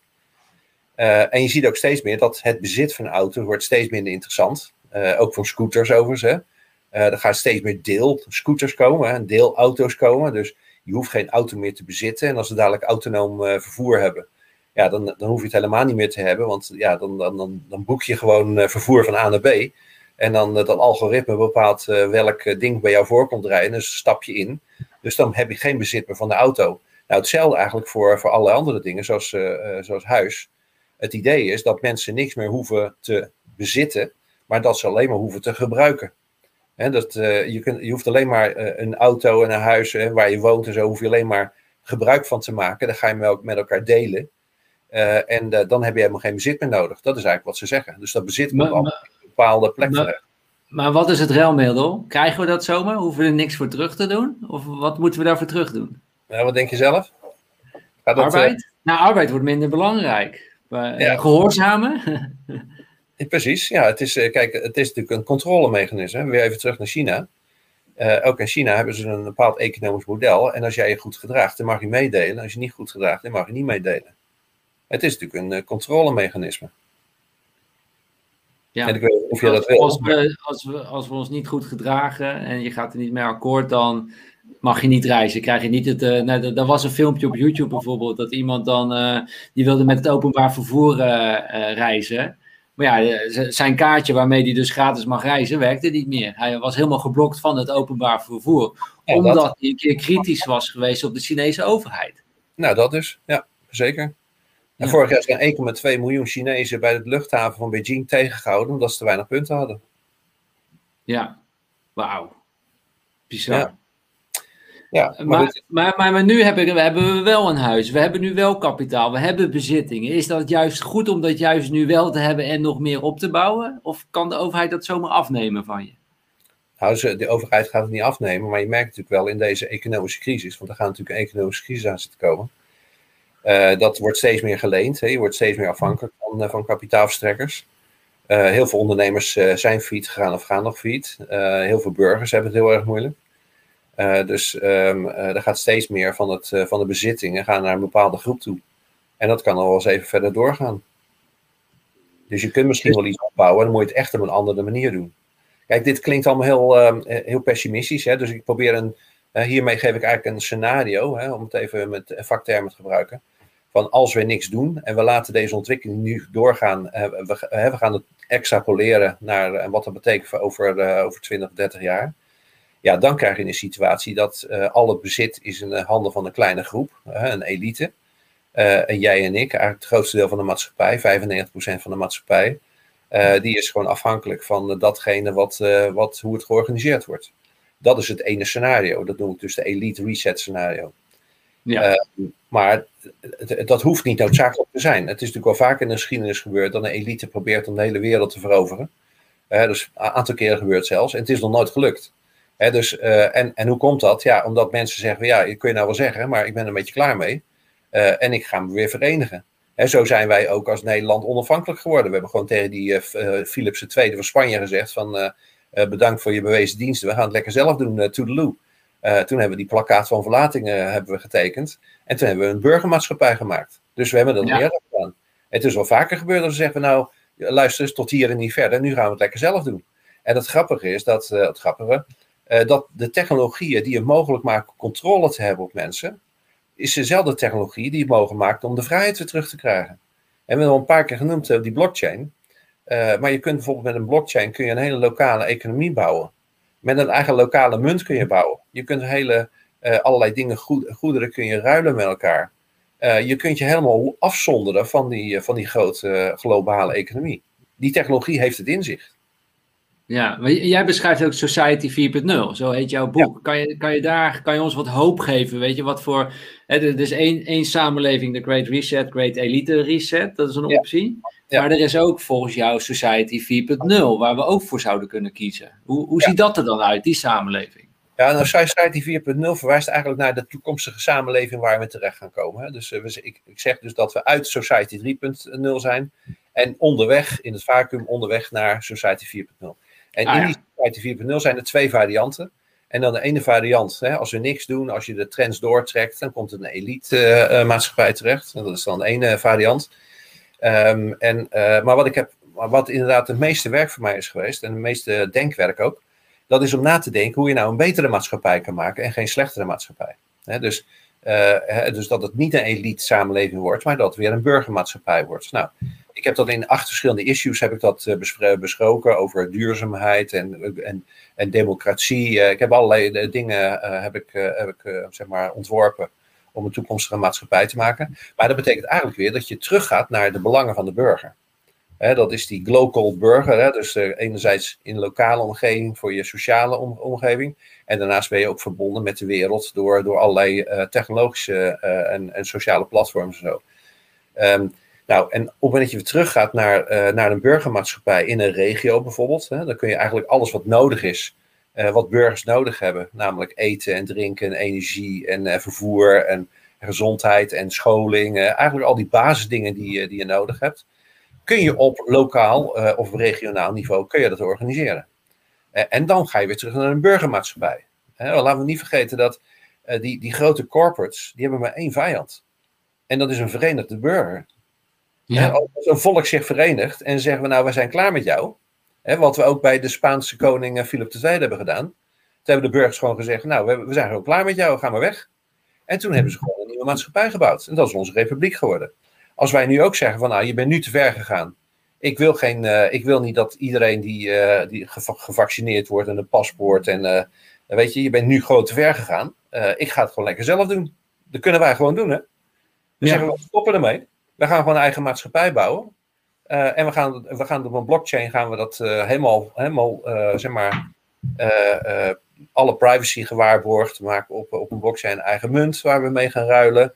We gaan alles zelf doen. De meeste dingen die je nodig hebt, kun je gewoon op regionaal niveau kun je organiseren. Met 3D-printing en zo. Dus massaproductie is niet meer nodig in de toekomst. Dan ga je het gewoon zelf organiseren. En als wij ons verenigen en zeggen van, en nu willen we het anders gaan doen. Nou, dan kunnen ze niks tegen doen. Dat is hun grootste vijand. En hoe zou je zo'n wereld uh, omschrijven dan? Nou ja, ik noem dat een, een global citizen. Hè? Dus een, uh, net als in de, in, in de Republiek waren we echt een burgermaatschappij. Dan gaan we weer terug en dan zeggen we nou wij gaan het hier op regionaal niveau gaan we dat, gaan we dat zelf organiseren. Een eigen samenleving bouwen, we gaan een eigen economie bouwen en zo. En er zijn al een aantal initiatieven gaande hè, in, in, in de hele wereld om dat te doen. Ook, in, Nederland? Ja, ja, zeker in Nederland. Uh, ik heb vorige week zondag, een mooi voorbeeld, geïnspireerd door mijn boek, had mensen in het Westland, ondernemers en burgers, die waren helemaal klaar met, met de bestuurlijke lagen, met, met Den Haag en zo. Al een tijdje overigens. En die, die lazen mijn boek en die waren helemaal geïnspireerd. Ze zeiden van, oké, we gaan het doen. Wij gaan van Westland gaan we een hele nieuwe regio maken. Dat noemen we zo Nieuw Westland. Met een eigen munt. Watermunt heet dat. Um, met een eigen economie, met een eigen samenleving, met eigen gezondheid, eigen onderwijs. En die gaan gewoon vanaf de basis, burgers en ondernemers, hè, dus echt lokale ondernemers, hè, niet, niet die corporate states, maar gewoon lokale ondernemers, uh, die hebben gezegd van, we gaan het weer zelf doen. Nou, en toen heb ik op die dag, op een zondag was dat, een lint doorgeknipt ik heb van mijn hele leven nog nooit een lint doorgeknipt, maar toen heb ik een lint doorgeknipt uh, in het Westland, om zeg maar Nieuw Westland te openen, zogenaamd. En die zijn nu bezig met, met het opbouwen van een lokale economie, met, op, op een blockchain gebaseerd. Ehm, een eigen munt, met eigen infrastructuur, met eigen ruilmiddel en zo. En die in het begin gewoon van, vanuit de regio beginnen ze opnieuw te werken. Nou, en er zijn in, in Europa zeker zijn er heel veel regio's die, die daar mee bezig zijn. Wauw. En, en waarom is dit veel eerlijker? Nou, Op de blockchain bijvoorbeeld. Waar, de, waarom de blockchain technologie? Ja, maar kijk, dat, kijk zo'n zo'n blockchain technologie is gewoon een, uh, een instrument. Hè? Maar het is een instrument uh, waarmee je, uh, in ieder geval je privacy gewaarborgd is. Er zit er zekere waarde in die onderling. die maakt gewoon zelf een blockchain met een eigen munt. die je als ruilmiddel kan gaan gebruiken. dus niet als beleggingsinstrument of als speculatieinstrument, maar weer waar geld eigenlijk voor bedoeld is, namelijk een middel om een economie werkend te krijgen. En daarmee kun je, of het is eigenlijk een nieuwe infrastructuur om zeg maar een economie te bouwen. Ja, en misschien is het nog goed voor de kijkers uit te leggen wat de blockchain-technologie inhoudt. Want het is eigenlijk een soort van uh, grootboek, administratieboek, ja. waarin alles wordt bijgehouden. Dus als je tussen elkaar gaat handelen of er, wordt iets uh, geproduceerd. Volgens mij heb ik jou laatst het verhaal horen over uh, uh, van cacao naar chocola. Zou je dat kunnen beschrijven hoe dat gaat via de blockchain technologie en waarom dat ja, Zo, zo helder en eerlijk is? Ja, nou kijk, het is precies wat je zegt. Een blockchain, dat is, het, is eigenlijk een stukje software en, dat wordt, en je kunt het zien als een soort grootboek. waarbij je alle informatie zet. een voorbeeld wat ik gaf van chocola.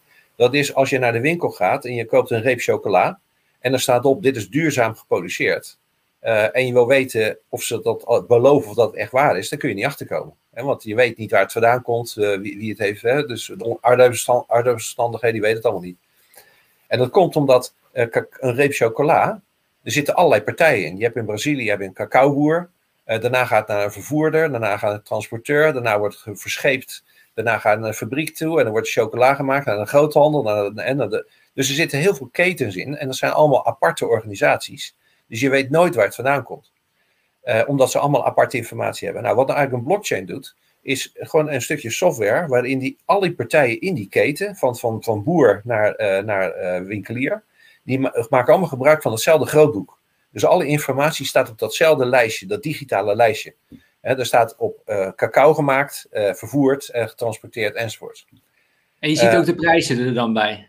Exact. En er staat er ook zeg maar de relatieve waarde. Want het maken van cacaobonen heeft een andere relatieve waarde als het verschepen daarvan. Nou, die relatieve waarde wordt ook op die blockchain bijgehouden. En dat heet een cryptocurrency. Nou, dus hebben al op zo'n op zo'n op zo'n blok, heb je dus, uh, een ledger heet dat, hè, heb je dus alle informatie, maar ook de relatieve waarde van elk van die activiteiten. Nou, en daarmee is het een uh, vorm te basis, hè, een grootboek, uh, voor heel veel act activiteiten. Nou, wat je dan in een keten doet, in die chocoladeketen, kun je bijvoorbeeld ook in een wijk doen. Hè, er zijn ook heel veel wijken of regio's, zoals Westland. Uh, dan kun je ook al die informatie op een blockchain zetten. Dan zet je al die informatie erop, je maakt een relatieve waarde aan. Uh, en dan kun je dat ook gaan uitruilen. Nou, daar kun je bijvoorbeeld ook een maatschappelijke munt van maken. Hè? Dus uh, als jij tomaten hebt gemaakt, nou, dan, en dan ga je dat verhandelen, of energie, dan ga je dat verhandelen via de infrastructuur van een blockchain.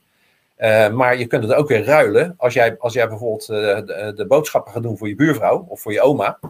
Uh, dan heeft dat ook een bepaalde waarde. En die kun je verruilen met, met allerlei andere activiteiten.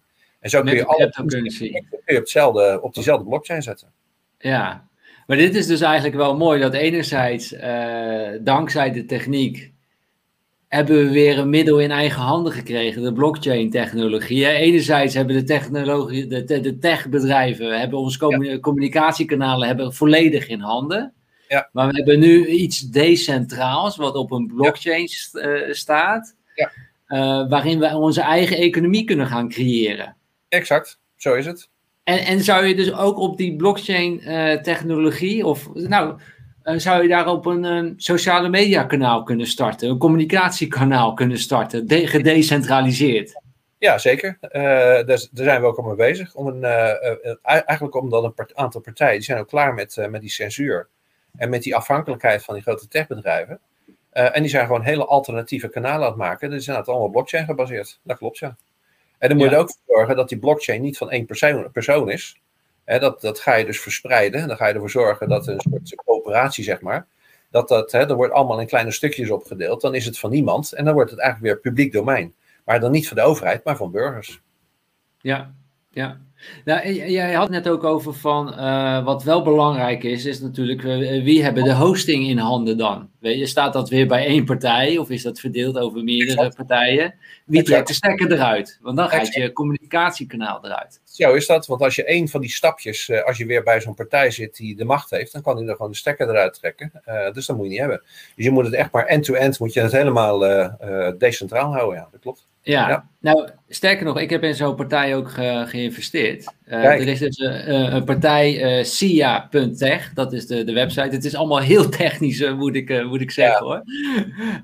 maar wat zij hebben gedaan, op basis, zij willen een gedecentraliseerde cloud. Dat is wat zij faciliteren. Dus je hebt natuurlijk nu Amazon, je hebt Google. Dan ja. staat al je data weer bij die partijen. Maar zij hebben gezegd, nee, we gaan een gedecentraliseerde cloud gaan we organiseren. En die is goedkoper en sneller dan Amazon ook, maar ook gedecentraliseerd. Ja. Hoe, houdt dat, hoe ik het zie dat het uh, werkt, is dat iedereen kan zijn computercapaciteit uh, inzetten. En die wordt dan beloond via die cryptocurrency. Ja. Uh, je moet natuurlijk wel aan voorwaarden voldoen dat je reliable bent en een goede server hebt en zo. Maar zo zijn die hostingpartijen staan over heel de wereld. En dan valt die ene uit, dan kan je nog overschakelen naar de andere partij. Ja. En wordt die ene ook niet meer beloond. Wordt alleen de goede worden beloond. En zo zouden we dus eigenlijk een, een gedecentraliseerde cloud internet kunnen, kunnen hebben. Met daarop die sociale media draaiend. Waarop wij weer vrij kunnen communiceren. Zo is dat. Ja, zo is het helemaal. Ja. Dus er is veel hoop ook, mensen. Nee, dat is, nee, er is heel veel hoop. Uh, ik bedoel, Um, net als dat uh, aan het begin van het initiale tijdperk, moeten we niet vergeten. Er waren natuurlijk ook partijen die er gebruik of misbruik van wilden maken, heel opportunistisch. Maar uiteindelijk zijn er mensen beter van geworden. Uiteindelijk is de betere maatschappij geworden. Niet overal, hè. Uh, maar in een aantal landen is de wereld echt beter geworden. Mensen, hè, veel meer mensen hadden ook werk en daardoor hadden ze inkomen, konden ze op vakantie, uh, ze konden een auto kopen. Dat was daarvoor nog nooit gebeurd. En dus ook in het begin van het initiële tijdperk was ook zo'n moment dat het de ene kant op gaan of de andere kant op kon gaan uiteindelijk is het voor in ieder geval een aantal landen is de goede kant opgevallen. Uh, zoals in Nederland. Uh, en daardoor hebben mensen veel beter gekregen. Hè? Ik bedoel, zoals wij leven, dat, dat is nog nooit gebeurd hè, in de geschiedenis van de mensheid. Dus uiteindelijk is het de goede kant opgevallen. Nou, in zo'n moment zitten we nu ook weer. Ook weer zo'n moment ja. dat we een andere maatschappij vormgaan. en ja, het is altijd zo dat opportunisten proberen om daar gebruik van te maken. En ja, ook nu is het weer zo dat, dat het net zoveel hoop geeft. Alleen dan moeten we niet in de angst gaan zitten, we moeten niet, we moeten niet passief gaan worden. We moeten actief gaan worden, moeten ons gaan verenigen. nogmaals, de enige vijand van, van die grote corporates is een verenigd volk. En dat is het enige wat, waar ze niet tegenop kunnen. Dus op het moment dat, dat wij zeggen, en met name denk ik dat voor jullie van belang is, want kijk, het werk wat ik doe, dat doe ik om een betere wereld te maken voor mijn dochter, die zich net natuurlijk weer met ons bemoeide, uh, en, en alle andere jongeren, daar doe ik het voor. Maar het is jullie toekomst. En als jullie zeggen van, joh, we gaan ons verenigen en we gaan samen een decentrale economie bouwen, en we gaan het uh, zo maken dat het een mooie toekomst wordt voor ons, dan kan dat. Maar dan moet je actief worden, dan moet je proactief gaan worden, dan moet je dan moeten we met z'n allen gaan nadenken hoe zo'n uh, economie eruit ziet, hoe zo'n samenleving eruit ziet. We moeten gaan samenwerken. En als we dat samen gaan doen, nou, dan, dan, dan ben ik heel hoopvol. Ja, ik ben wel benieuwd even bij de kijkers. Ik zie dat jullie geweldig de chat ook gebruiken. Laat even je, je stem ook, ook horen. Wat zou je van zo'n maatschappij vinden, een gedecentraliseerde maatschappij, bijvoorbeeld met de blockchain-technologie? Uh, laat het even weten in de, in de reacties. Uh, ik zie ondertussen ook dat uh, wellicht op dit moment YouTube al ingrijpt bij onze Bob, want de, de likes die lopen we in één keer helemaal naar beneden. zonder, dat, ja, zonder dat we stonden op 78 likes en nu nog op 32. Zonder dat mensen in de chat aangeven dat ze ons een liken, want ze zeggen juist we zijn ademloos aan het luisteren. Ehm, maar goed, nou, laten we dat... Uh... Het, grappige is, vanochtend kreeg ik ook een berichtje uh, van, een, eh, van iemand op LinkedIn, want daar ben ik afgegooid zoals je weet. Maar er was iemand en die, die had mijn boek had die aangeprezen op, op LinkedIn en dat is verwijderd. Ja, dus, nee, dus, het, is, dus het is tijd dat we, dat we, dat we opstaan, inderdaad. Uh, Leon die vroeg nog even van uh, de, de coin waarin ik heb geïnvesteerd is SIA inderdaad, SIA.tech, dus dat is de, de, de, de coin. op dit moment is er ook ruimte voor vragen voor jullie. Jullie, jullie hebben het verhaal nu gehoord. er is ruimte voor vragen, dus stel zeker je, je vragen die je hebt aan, aan Bob, dan kunnen we die ook gaan, gaan bespreken. ik zie heel veel, heel veel reacties terug dat mensen het geweldig vinden, goed idee, bizar.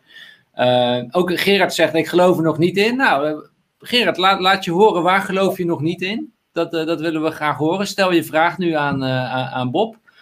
Ehm, iemand zegt ook inderdaad heel, heel hoopvol. Peggy zegt ook goed idee en samen opstaan. mooi om te, te horen. Ik, ik wilde nog even iets terug. er hebben toch wel een aantal dingen wat me aan het denken heeft gezet. Toch over dat kapitaal en bezittingen. Eh, dat blijft me toch fascineren. Hoe, uh, ik, ik, las dus iets op, op het internet over uh, flitskapitaal. En, en dat er dus eigenlijk, dat de 98% dat noemt men flitskapitaal. En dat is eigenlijk gewoon op zoek naar, uh, naar, naar rendement, heel snel.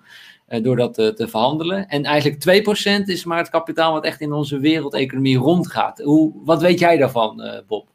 Nou, dat is wel heel specialistisch. Ik weet wel wie het weten. Hè. Dus ik altijd wel mijn netwerk om dat even goed te vragen. Maar wat ik er wel van weet is dat uh, eigenlijk dus vanaf de jaren 70 is het, uh, het, uh, het, maken van geld met geld is een doel op zich geworden. en dan zie je dus dat, dat het, het, het, geldsysteem nu, het geldstelsel wordt nu gebruikt door een aantal partijen om daar geld met geld te gaan maken. En niet meer te zeggen van geld hebben we nodig om zeg maar een mooie leven te maken en te kunnen ruilen of zo.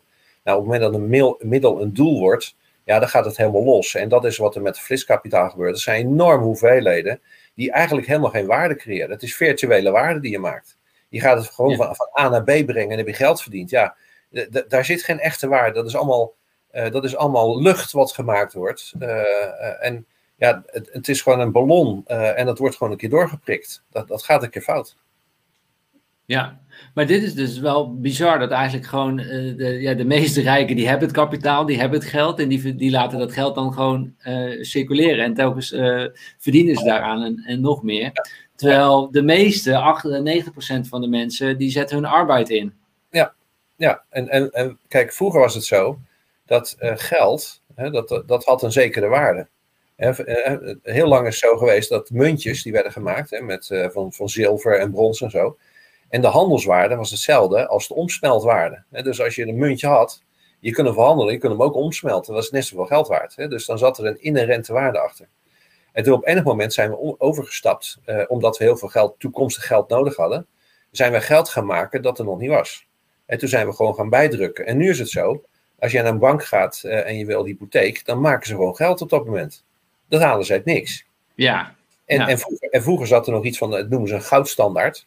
En hadden ze in Fort Knox in Amerika hadden ze een hele stapel goud liggen. Zo als het fout zou gaan, nou, er zit, ligt echt nog goud in Fort Knox hoor, dan krijg je geld terug. Maar er zit helemaal niks meer achter. Het, Ja. het wordt gewoon, geld wordt uit niks gemaakt. Eh, en het enige waar het op gebaseerd is, het vertrouwen in de overheid, in banken. Dat is het enige wat erachter zit. Nou dan, good luck. Hè? Dan, dan weet je wel dat, hoe groot dat vertrouwen is. En, dus we hebben een geldstelsel waar, we, ja, waar, waar geen, geen inherente waarde achter zit. Hè? Dat is alleen maar vertrouwen dat we hebben dat het goed blijft gaan. Ja, ja. Bob, je gaf ook aan dat, dat arbeid wordt steeds minder belangrijk. Kan je, kan je dat nog een keer benoemen waarom arbeid steeds minder eh, belangrijk wordt, ook in de komende 10, 20, 30 eh, jaar? Ja, nou, dat, dat heeft ermee te maken dat, eh, kijk, eh, volledige werkgelegenheid is nooit mogelijk geweest. Hè? Dat is in de geschiedenis. Alleen maar in het initiële tijdperk. Dus vanaf het moment dat we fabrieken gingen bouwen, werd, werd arbeid belangrijk en volledige werkgelegenheid werd een haalbaar streven. Vanaf dat moment werd arbeid ook een doel voor mensen. Van, eh, eh, bijvoorbeeld, eh, je bent jong en je moet naar school.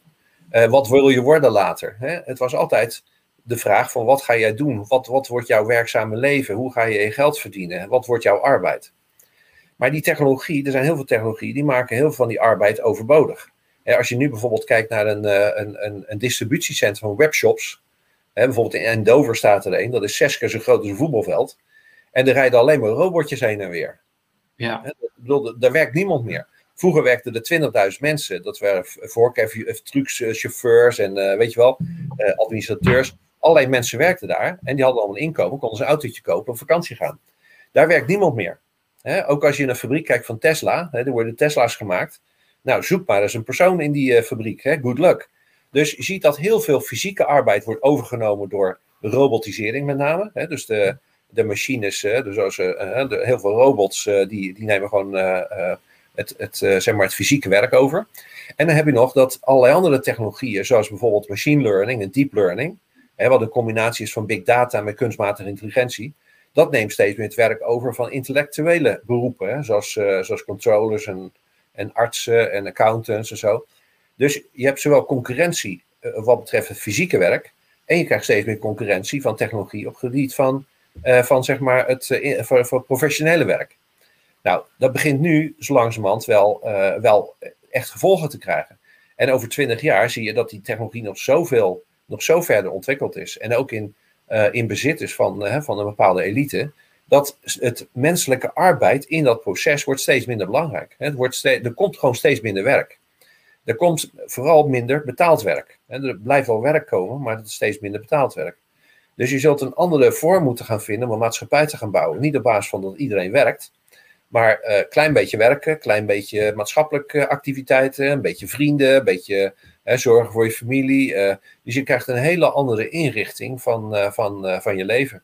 Waarbij betaald werk maar een klein deel wordt, misschien maar één of twee dagen of zo. Of anderhalve dag, zoiets. wauw. Maar goed, kijk, ook dit hoeft geen slecht nieuws te zijn. Hè? Dat, kijk, als, als ik, eh, want ik, ik, ik, eh, als ik met groepen werk, dan wil ik ze wel eens uitdagen. Eh, en dan, dan zeg ik van, nou, is, binnenkort is er geen werk meer. of bijna geen werk meer. Nou, dan zie je ze schrikken, hè, want oh, dat is wel erg en zo. En dan zeg ik van, en stel nou, hè, van harte gefeliciteerd. Je hebt, ik hoor net dat je de staatsloterij gewonnen hebt. Eh, je hebt eh, 250 miljoen eh, heb je eh, op je bankrekening staan nu. Wat ga je nu doen? Nou, dan zie je altijd een beetje van, ja, ja, nou, eh, ga je nog werken? Ja, ik vind werk heel leuk. Nou, wel minder. Minder. En als je heel veel geld hebt, ja, dan stop ik wel met werken. Nou, zo leuk is het dus ook weer niet, kennelijk. Weet je wel? Dus je bent gewend om in een, in een maalstroom te zitten, zeg maar, van werk. Hè? Omdat, ja, zo ben je opgegroeid en zo ziet het verdienmodel eruit en zo. Maar voor heel veel mensen is werk echt alleen maar een manier om geld binnen te krijgen. Dat is Ja. veel mensen zo. Maar, maar dat zet me nu wel aan het denken, en wellicht ook bij de, bij de, bij de kijkers, is dat we dus eh, arbeid eh, gaat steeds eh, minder worden. Arbeid wordt op dit moment ook het meest belast. Als je kijkt hoe de rijken verdienen, is het door middel van kapitaal. Waarom ga ik nog 90% van mijn tijd aan arbeid besteden? Waarom ga ik mezelf niet opleiden tot, tot investeerder? Dat ik zelf op, op kleine schaal dan ook, maar ook investeerder wordt. En, en niet zozeer voor geld op zich, weet je, want het geld is totaal niet het doel voor ons, maar is een middel voor onze onafhankelijkheid. En dat we die mooie projecten de wereld in kunnen slingeren, die we de wereld in willen slingeren. Ja, ja en, en weer terug naar het begin, weet je nog? Uh, is dat uh, we, we, komen uit een tijdperk waar de enige manier om ervoor te zorgen dat je de dingen kon doen die je kan doen, hè, of het nou een hobby is of reizen of, uh, of wat dan ook, was om werk te hebben, een inkomen te hebben. En dan had je tenminste de vrijheid om, om de dingen te doen die je leuk vond. Um, maar uiteindelijk is het belangrijkste om jezelf te zijn. Nou, ja. het is dus mogelijk om binnen dit economisch systeem ervoor te zorgen dat je niet meer hoeft te werken om jezelf te zijn. Dus je kunt gewoon beginnen met waar word ik nou gelukkig van? Wie ben ik nou? Hoe kan ik nou mezelf worden? Want voor, eigenlijk is voor al, alles uh, uh, is er wel ruimte voor. Ehm, betaald werk wordt het niet, maar je kunt wel heel erg jezelf zijn. Dus ook, ook in die zin ehm, denk ik dat het ook goed nieuws kan zijn. Maar dan moeten we wel de regie pakken. Hè? Dan moeten we wel verenigen. En, en, en met al die ontwikkelingen, al die technologieën, moeten we zorgen dat we de goede kant op gaan en niet de verkeerde kant op gaan. Ja, nee, en, en, en dit zet me ook aan het denken dat ik het soms ook gewoon niet begrijp. Dat we. Waarom gaan we, gaan we zo hard werken? We zetten ons leven, onze gezondheid op het spel. Voor eigenlijk maar relatief heel klein beetje geld. Maar vaak leidt het. Eh, 1 miljoen mensen in Nederland hebben een burn-out, weet je. Waarom doen we dat met z'n allen? Terwijl we weten in de toekomst, arbeid gaat steeds minder belangrijk worden. Ja. Uh, het gaat steeds meer belast worden. Uh, je moet investeerder worden, weet je. En, en, en, en, nog meer jezelf zijn. Daar gewoon die projecten op zetten. Ja, ja. Dat is zo, zo'n conditionering natuurlijk. In, waarin we zijn opgeleid door onze school. Hè, ons schoolsysteem is volledig op, uh, op arbeid gericht. Dat leidt ons op als arbeider. Ja, nou kijk, al, al die systemen zijn oud. Hè? Dus het, uh, ook, het, ook het onderwijssysteem. Ja. Kijk, vroeger was onderwijs was een manier om de mens te verheffen. Hè? Dat, zo hebben de Grieken dat destijds geformuleerd. Hè? Want we moeten allemaal onderwijs gaan doen. Want we moeten de mens gaan verheffen. Hè? Want dan krijgen we hè, een, een meer, meer cultuur, meer uh, hoogwaardige mensen. Maar als je nu kijkt naar het onderwijssysteem, dat is echt niet om mensen te verheffen. Uh, je wordt ergens in het begin van die pijplijn word je erin gegooid. Met de bedoeling dat je het eind ergens een, op een baan uitkomt, toch? Het is, het is helemaal bedoeld om ja. jouw human resource hè, als productiefactor voor te bereiden. Zo, zo is nu het onderwijssysteem opgericht. Exact, en, het is niet, ja. en het is niet gericht op sociale activiteiten, niet op filosofie, het is niet gericht op, op maatschappelijke activiteiten, op jezelf worden. Het is puur bedoeld van, je gaat eerst kijken wat je niveau is, daarna je een richting bepalen en uiteindelijk kom je ergens, kom je ergens te werken. Zo is nu het systeem opgezet. Ja, ja, dit, het is voor mij zo'n enorme verlichting. En ik hoop ook voor de kijkers dat, het, dat je bewustzijn uh, vergroot. En dat je, dat je hierdoor door, door, dit te zien het heft in eigen hand kan, kan nemen. En dichter bij jezelf kan, uh, kan komen. En dat niet gaat uitstellen en niet gaan wachten tot je pensioen. Maar dat je gewoon na deze live show eraan begint. Dat je nu die beslissing maakt. En het is nu tijd voor mezelf. En daarmee, als ik goed voor mezelf kan zorgen, kan ik ook goed voor andere mensen zorgen. Dat is altijd mijn, uh, mijn filosofie. Laten we een aantal uh, vragen ook doen van de, van, van de kijkers. Uh, iemand vraagt zich ook af, wat kan ik nu zelf doen om, om me te ontworstelen aan de big corporates? en om te beginnen met ons te, te verenigen. Ja, is toch aansluiten bij een aantal initiatieven die gaande zijn. Er zijn meer burgers, burgergroepen uh, die uh, een, een, een, alternatieve maatschappijvorm aan het maken zijn. Um, probeer je daarop aan te sluiten uh, en, en probeer zelf ook initiatief te nemen. en de dingen te gaan doen die mogelijk zijn. Um, ja, kijk, neem, nemen we het voorbeeld, je kan het ook in een regio doen. Het mooie voorbeeld vind ik toch weer het Westland. Er zijn wel meer voorbeelden overigens in Nederland. die zeggen gewoon van ja, weet je, we gaan het gewoon zelf doen. en, en als jongeren ja, uh, motiveer ondernemers en andere burgers om weer een andere, uh, een andere samenleving op te bouwen. En ga het gewoon opbouwen met z'n allen. In, op, op regioniveau zou ik zeggen. Uh, inclusief, en, en haal alles kennis bij elkaar, zodat je ook op een blockchain eigen munt kan maken. Dat je allerlei sociale activiteiten kan gaan organiseren. Dus sluit je aan bij regionale initiatieven om weer een nieuwe, een nieuwe samenleving te bouwen. Ja, mooi. Ja, en kijk ook voor wat voor bedrijf je nu werkt en wat voor andere bedrijven en kansen er zijn bijvoorbeeld. Of wat je zelf kunt opzetten. Ja, ja zo is het. Ja. Uh, iemand anders vraagt, hoe moet het nu met uh, China dan? Als je daar burger bent, staat het behoorlijk schaak, uh, schaakmat, toch? Laat staan dat ze ook een bedreiging vormen voor het Westen. ja, ja, nee, dat is. kijk, China heeft natuurlijk een hele andere historie. Ehm, dat is ook een eenpartijstaat. Hè? Dat is een communistisch systeem die zij gekozen hebben. dus ehm, die zijn later ook gaan initialiseren. Dus China is zeg maar, de fabriek van de wereld. Je moet, je moet niet onderschatten hoe geavanceerd China op dit moment is. Hè. Ze, zijn, ze lopen echt een aantal jaren op ons voor. En bepaalde plekken in China is echt de geavanceerdheid enorm. Uh, maar het is wel een eenpartijstaat. Hè. Dus je als burger, er is geen feedback systeem, hè, dus je kunt niet kiezen. Het is echt, een, uh, uh, het is echt een, systeem waarin de staat de baas is. Eén partij is de baas, er is ook één baas de baas. Hè? Dus er is één persoon die daar de baas is. Dus het is wel een, ja, het is wel een dictatuur. Hè? Zo moet je het wel realiseren. Dus, en met al die technologie zijn eh, 1,3 miljard mensen die hebben al een citizen score. Hè? Dus die zitten behoorlijk vast. Dat is heel moeilijk om, om je daar aan, aan te ontsnappen. Um, het is wel zo dat. Um, dus ik ben blij dat ik daar niet hoef te leven, zeg maar. Althans, als je een hoge citizen score hebt, is het niet zo erg. Hè? Maar ook dan heb je geen vrijheid meer. Um, maar het is wel zo dat, uh, en dat is weer misschien het voordeel, is dat China uh, heeft, heeft nog nooit oorlog gevoerd buiten hun eigen territorium. Althans, wat zij zien als hun territorium. Hè? Dus Taiwan en zo, dat is allemaal wel China, vinden zij. Hè? Dus dat, uh, en Hongkong. Ja, maar het is nog nooit gebeurd dat, dat de Chinezen zeg maar Amerika zijn binnengevallen. Dat is nog nooit gebeurd. en dat is bij het Westen wel zo. Het Westen heeft altijd de neiging om andere landen binnen te vallen, nietwaar? Ja. Er zijn overal binnengevallen. Dus, dus vanuit het Chinese perspectief zijn wij wel een beetje agressief. Hè? Uh, imperialisten, nietwaar? En daar hebben ze nog gelijk in ook. Hè? Want dat, dat is ook gewoon gebeurd. En dat heeft China nog nooit gedaan. Hoe China dat doet, is meer via uh, slimme, um, slimme handel. Uh, dus zij, de zijderoute had je vroeger, hè, van die handelsroute. Naar, dat hebben ze nu weer een nieuwe, nieuwe zijderoute initiatief hebben ze gemaakt. Wat niet wil zeggen dat ze hun territorium willen uit, uitbreiden, maar wel dat ze meer controle willen houden over de wereld. Dus ze hebben wel weer steeds meer uh, routes hebben ze, hebben ze geopend. Uh, en op die manier willen ze wel meer controle en macht hebben, maar ook een tegenmacht tegen het Westen, zeg maar. Um, om een voorbeeld te geven, uh, Griekenland, die deed het niet zo goed. Er zijn een aantal havens zijn, zijn failliet gegaan. Die zijn gekocht door de Chinezen. Um, en nu alle activiteiten gaan via hun eigen Griekse havens. dan, dan, dan, ben je, dan ga je dus niet het land veroveren, maar je gaat wel de routes ga je domineren. En dat is de manier waarop China dat doet. Een soort kolonisten van Catan. Ja, ja, het is wel een communistisch systeem inderdaad, ja. Ja. ja. Um, iemand vraagt zich af, dank Bob en Stijn. Stel, we krijgen het basisinkomen. Wat betekent dit voor de maatschappij? dan gaan toch veel mensen niet eens meer werken. Hoe krijgen we dan onze producten en diensten? Ja, uh, oké. Nou ja, basisinkomen is ook een heel apart uh, onderwerp. Een groot onderwerp ook.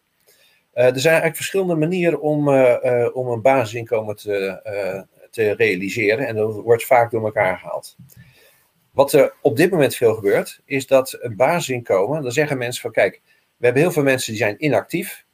Um, en uh, die krijgen dan uitkeringen. Er zijn heel veel ambtenaren uh, en die doen heel veel werk en heel veel regels en procedures en papierwerk en zo.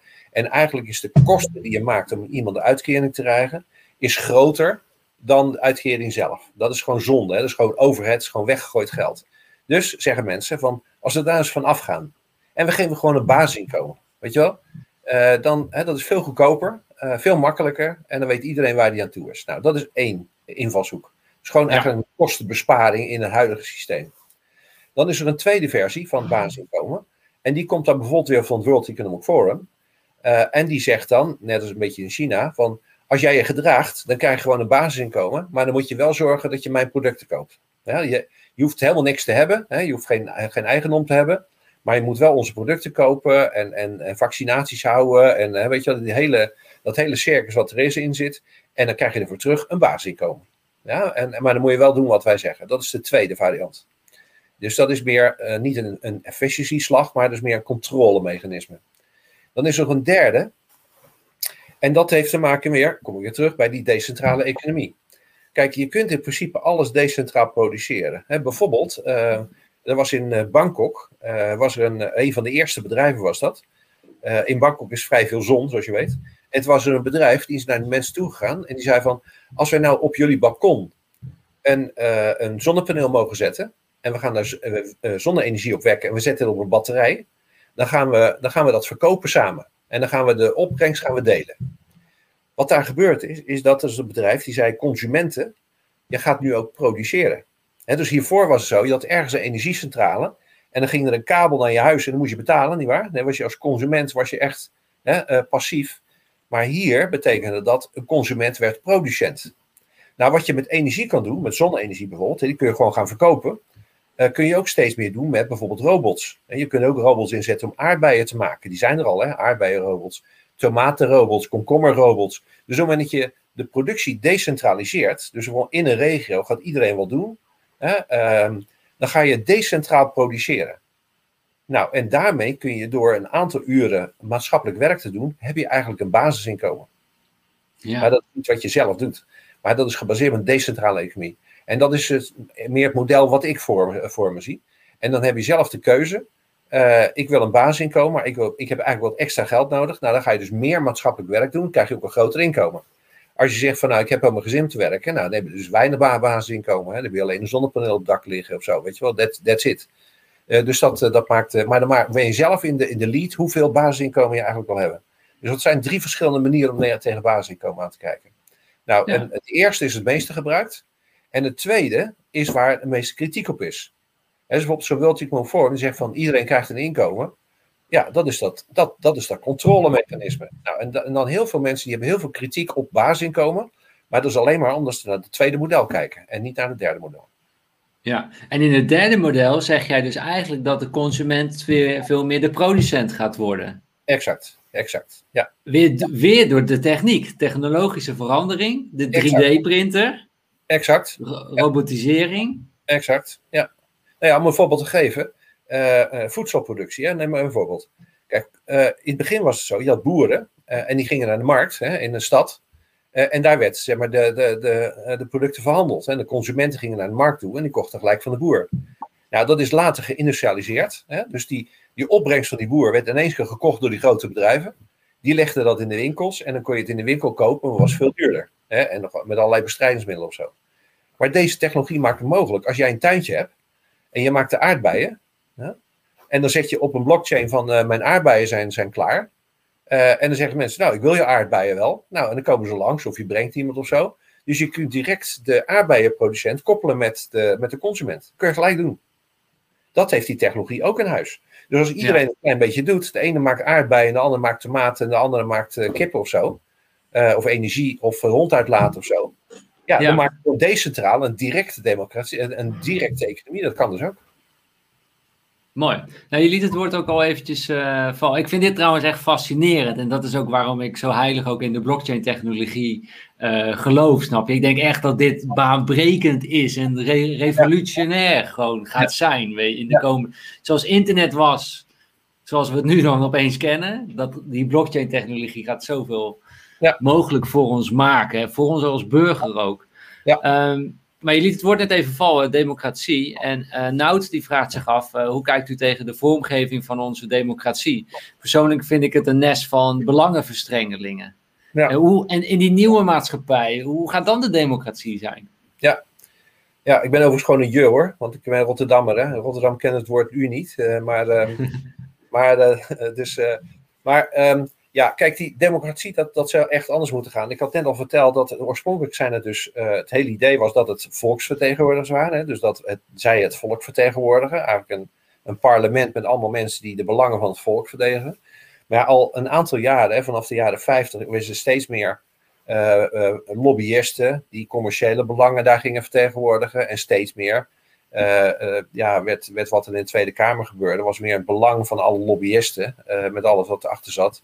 En dat er echt het belang van het volk uh, uh, vertegenwoordigd werd. En dat hebben we met, met omzicht gezien. Uh, dus, dus die democratie zelf moet echt, moet echt aan vervanging toe zijn. Hè? Die moet echt vervangen worden. en dat geldt zowel op, op, in Nederland zelf, maar dat geldt ook op wereldschaal, want er is zelfs nog helemaal geen democratie. Hè, wat we al zeiden van de corporate states zijn geen democratie, de NGO's zijn geen democratie, de Verenigde Naties zijn geen democratie. Die moet nog helemaal ontworpen worden. Dus en het belang van democratie is dat de belangen van, van de burgers worden verdedigd en dat er een feedback systeem is op het systeem die dat mogelijk maakt. Dat is belangrijk daarvan. Dat moet, moet helemaal opnieuw beginnen. om dat te ontwerpen. Nou, dat heb ik in mijn boek natuurlijk ook gedaan. Een hele hoofdstuk over de toekomstige democratie. Ehm, en wat we nu hadden, dus zeg die partijendemocratie, hè, arbeid en kapitaal, dat is een beetje aan het einde. Dus we moeten iets anders bedenken. Nou, dan komt weer die, overigens, uh, dat zou je leuk vinden, uh, komt toch weer die blockchain terug. Want met, met blockchain technologie kun je namelijk ook directe democratie kun je organiseren. als je bijvoorbeeld de Cardano uh, blockchain neemt, hè, um, die, kun je, die kun je gebruiken als basis om directe democratie te gaan doen. En zo kun je vanuit, vanuit de burger, ofwel in een, op, op regionaal niveau, op wereldwijd niveau, kun je op basis van een blockchain technologie kun je gewoon gaan stemmen. Hè, of of op, op onderwerpen, maar ook op personen. Maar daarmee maak je dus een directe democratie. Directe democratie op onderwerpen, directe democratie op personen en niet meer op partijen. dus het is wel een hele andere, het is een directe vorm van democratie. Op een blockchain is het ook helemaal veilig, dat kan ook niet gefraudeerd Transparant, ja. Helemaal transparant, je kan alles terugvinden. Als er ergens foutjes gemaakt, ga je naar de vorige versie. Dus je hebt altijd eh, de juiste en uh, correcte en integere informatie. Uh, maar dan zul je dus een heel nieuw democratisch systeem moeten maken.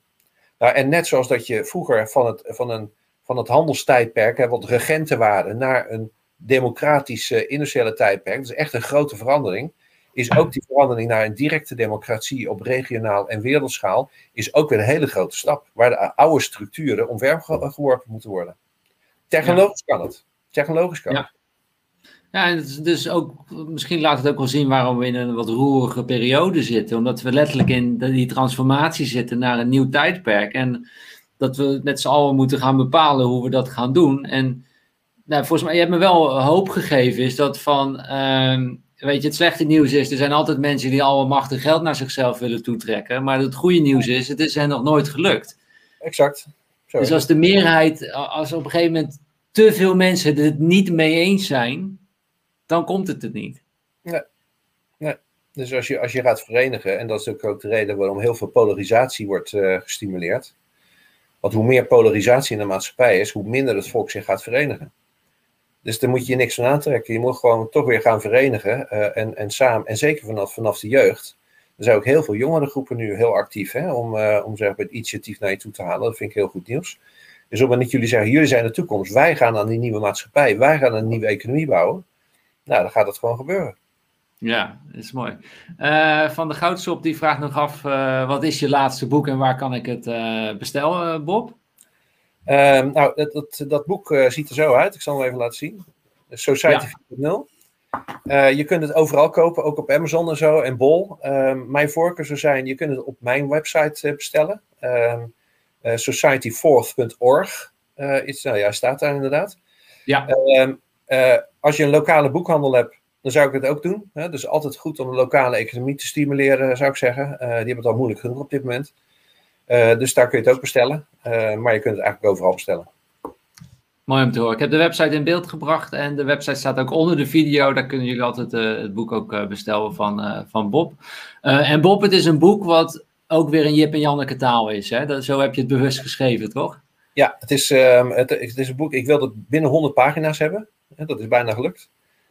Uh, het is veel informatie, nou, dat, dat zou je niet verbazen. Er is heel veel, uh, heel veel onderzoek uh, naar gedaan. Um, en ik heb echt geprobeerd om met een 100 pagina's echt samen te vatten. Het is in het Engels geschreven. Ik schrijf eigenlijk bijna alles in het Engels. zeker boeken schrijf ik in het Engels. Maar ik heb het wel echt heel toegankelijk proberen op te schrijven. Ik heb het zo gemaakt dat als je ochtends gaat lezen, dan heb je aan het eind van de, van de avond heb je hem uit, als het goed is. En het is in het Engels opgeschreven dat iedereen het begrijpt. Het is zelfs zo dat een school in Nederland, eh, een middelbare school, die heeft mijn boek geadopteerd voor, voor, voor, voor de school. Voor Engelse les. Uh, dus, uh, en dat zijn kinderen van 12, 13 jaar. Nou, als, als die het moeten kunnen lezen met, met hulp van de, van de leraar, dan moet iedereen het volgens mij kunnen lezen. Ik hoor in ieder geval van iedereen dat het heel toegankelijk geschreven is. Dus dat Engels hoeft geen probleem te zijn. Mooi om te, te, horen. En anders kun je altijd deze video natuurlijk ook uh, deels uh, bekijken. Er staat ook een deel van de inhoud uh, in. Maar dan weet je hoe Bob het uitlegt. Nou, zo zou het ook in het boek zijn. Dus ik raad het je echt aan om ook het boek te kopen via de website. En om ons nog meer te verenigen. Ron vraagt zich nog, nog af. In hoeverre pas jezelf soeverein verklaren in Society 4.0? Ja, dan... Um uh, dan, moet ik, dan ik echt wel iets meer weten over wat je dan precies bedoelt met soeverein. Uh, want uh, misschien kun je dat even toelichten. kijk, er zijn, er zijn wat mensen, dus terwijl je, misschien deze wedervraag even beantwoordt. er zijn heel veel mensen die, die hebben zich een beetje afgezonderd van deze maatschappij. Die zeggen, ik wil hier niet meer meedoen. En die maken eigenlijk een heel autonoom bestaan. En dat kan ook. Er zijn heel veel mensen die maken helemaal autonoom. Die zeggen van, weet je, ik wil hier niks mee te maken hebben. Ik ga mijn eigen eten verbouwen. Ik ga mijn eigen watervoorziening doen. Uh, en ik zorg ervoor dat ik helemaal niks met deze maatschappij te maken heb. Uh, in toenemende mate zijn er mensen en ook groepen die dat doen. in Nederland zijn er ook wel een paar. Maar dat zie je met name bijvoorbeeld in Australië en Amerika. Zie je echt van die autonomen. die zich helemaal losgekoppeld hebben van de maatschappij. En het gewoon helemaal allemaal zelf gaan doen. Het kan. Het kan. Maar ik denk dat heel veel mensen toch sociale wezens zijn. Uh, die zo heel autonoom als een zwerver leven.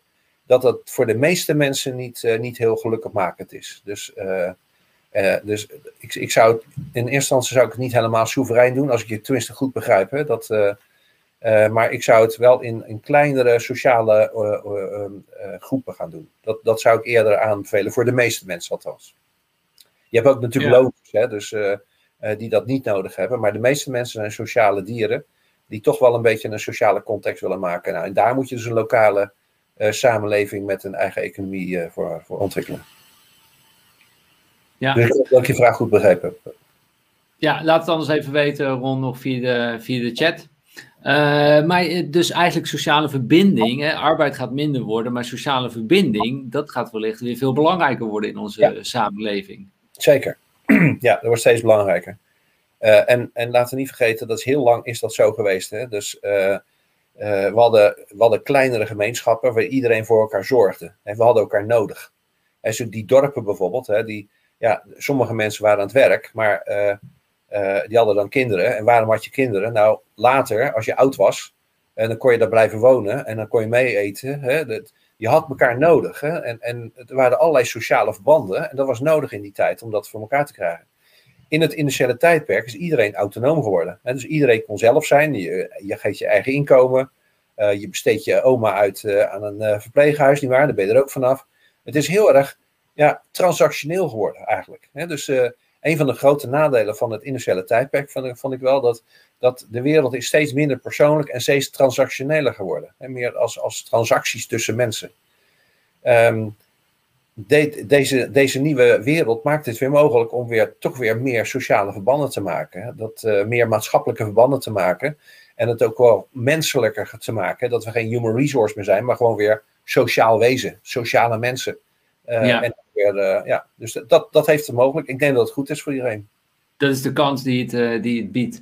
Uh, Ron die bedoelt het nog net iets anders, denk ik. Het, uh, hij zegt, het is mogelijk om jezelf soeverein te, te laten verklaren. Het contract met bijvoorbeeld Nederland verbreken. Je bent tenslotte eigendom van Nederland via je BSN, BSN-nummer.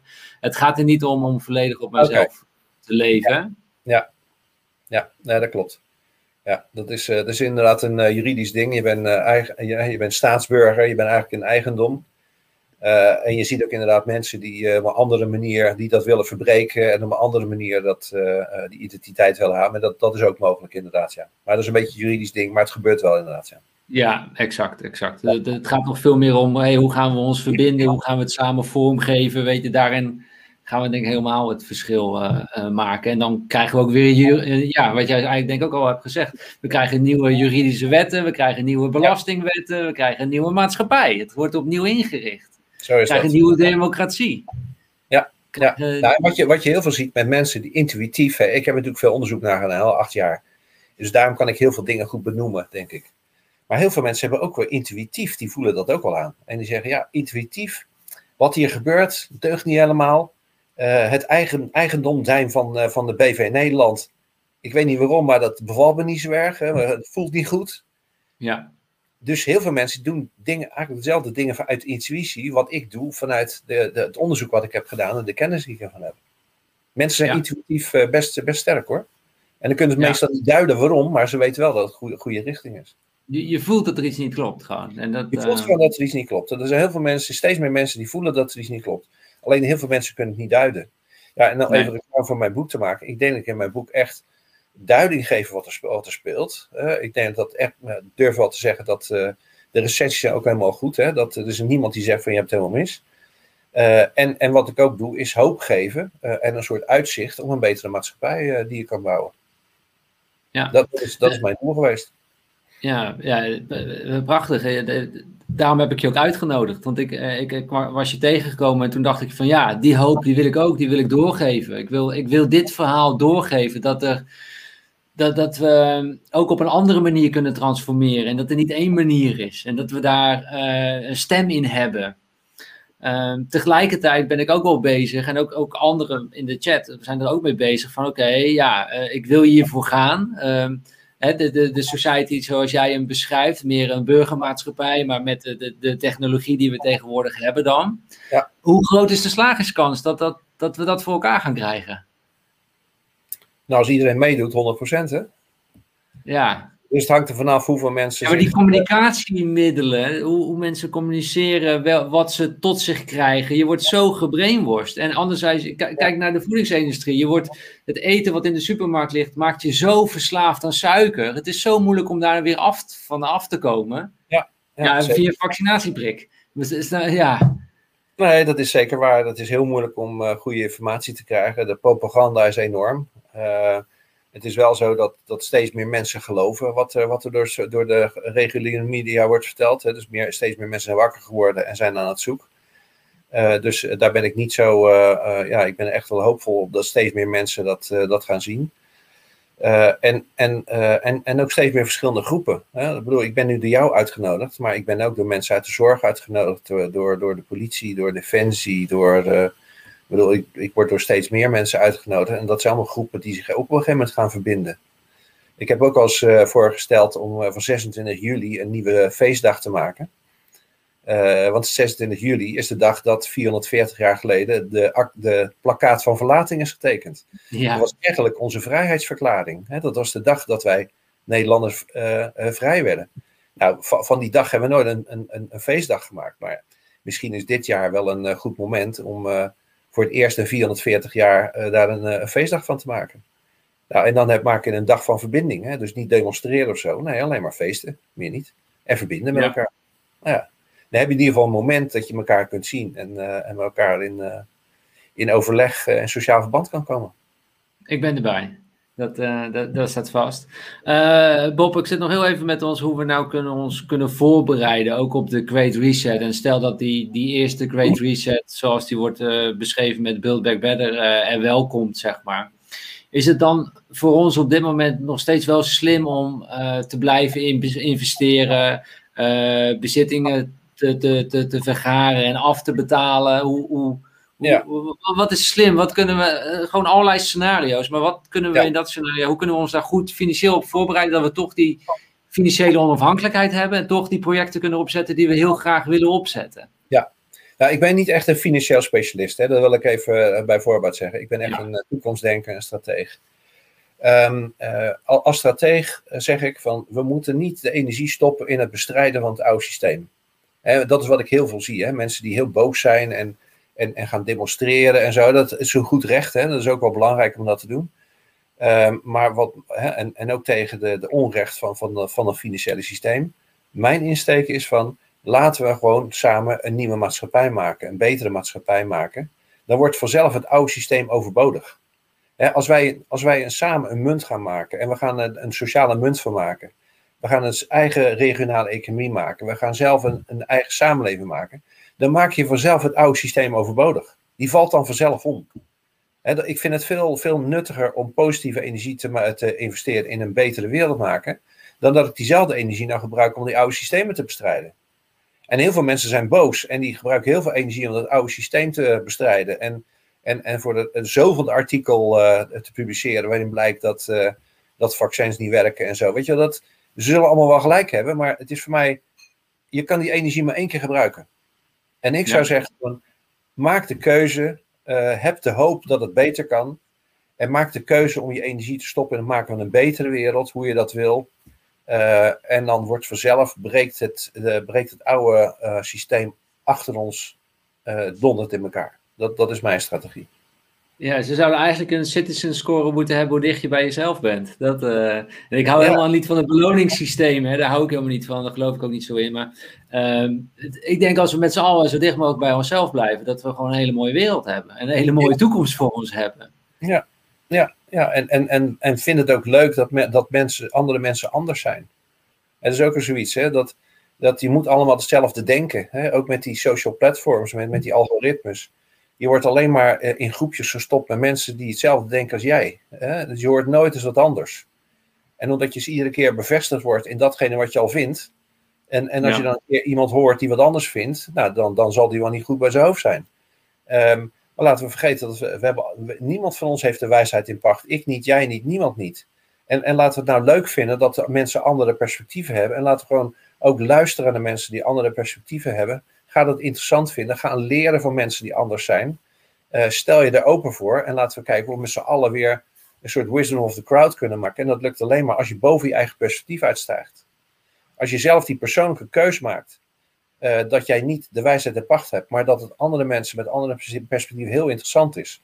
En dat je gaat kijken naar de verbinding. Ja, dan, dan ga je weer een nieuw verband maken. En dan word je ook een leuker mens door. En dan kom je ook dichter bij jezelf terecht. Ja, ja. Uh, laatste vraag, uh, Bob. Eh, denk je dat ons monetaire, het huidige monetaire systeem, is dat, is dat klaar voor deze verandering of gaat het gewoon op de, op de schop? nou, sowieso op de schop. Um, want het systeem dat, is aan het einde van zijn levenscyclus. Um, dus daar kun je rustig vanuit gaan dat dat, dat echt in, in een grote transformatie terecht gaat komen. Ook hier is weer de vraag hoe ziet dat uh, monetair systeem van, uh, van de toekomst eruit? Uh, en je ziet dus dat, nou je hebt het net over bitcoin gehad. Ehm, je ziet dus ook dat bijvoorbeeld een Facebook wilde een Libra invoeren. en dus je hebt al die techbedrijven die denken van nou dat monetair stelsel, dat geldstelsel willen wij in eigendom hebben. Dus je ziet nu al een strijd ontstaan tussen een aantal partijen die zeggen van wij willen dat geldstelsel in bezit hebben. En je mag alleen maar Libra's gaan betalen. Hè? Dat, die proberen dat naar ze toe te halen. Ja. Um, ik denk wel dat, dat, is wel afgeschoten door de overheid en de, en de banken. Ja, dat is afgeschoten. Maar, maar die, die gedachtes van een aantal partijen om eigenaar te worden van het monetair stelsel, die blijft. Hè? Ik bedoel, ja. de Libra is dan afgeschoten, maar dat wil niet zeggen dat ze er allemaal mee gestopt zijn met erover nadenken. Dus, dus er zijn allerlei partijen die willen dat gewoon gaan, uh, gaan naar ze toe gaan trekken.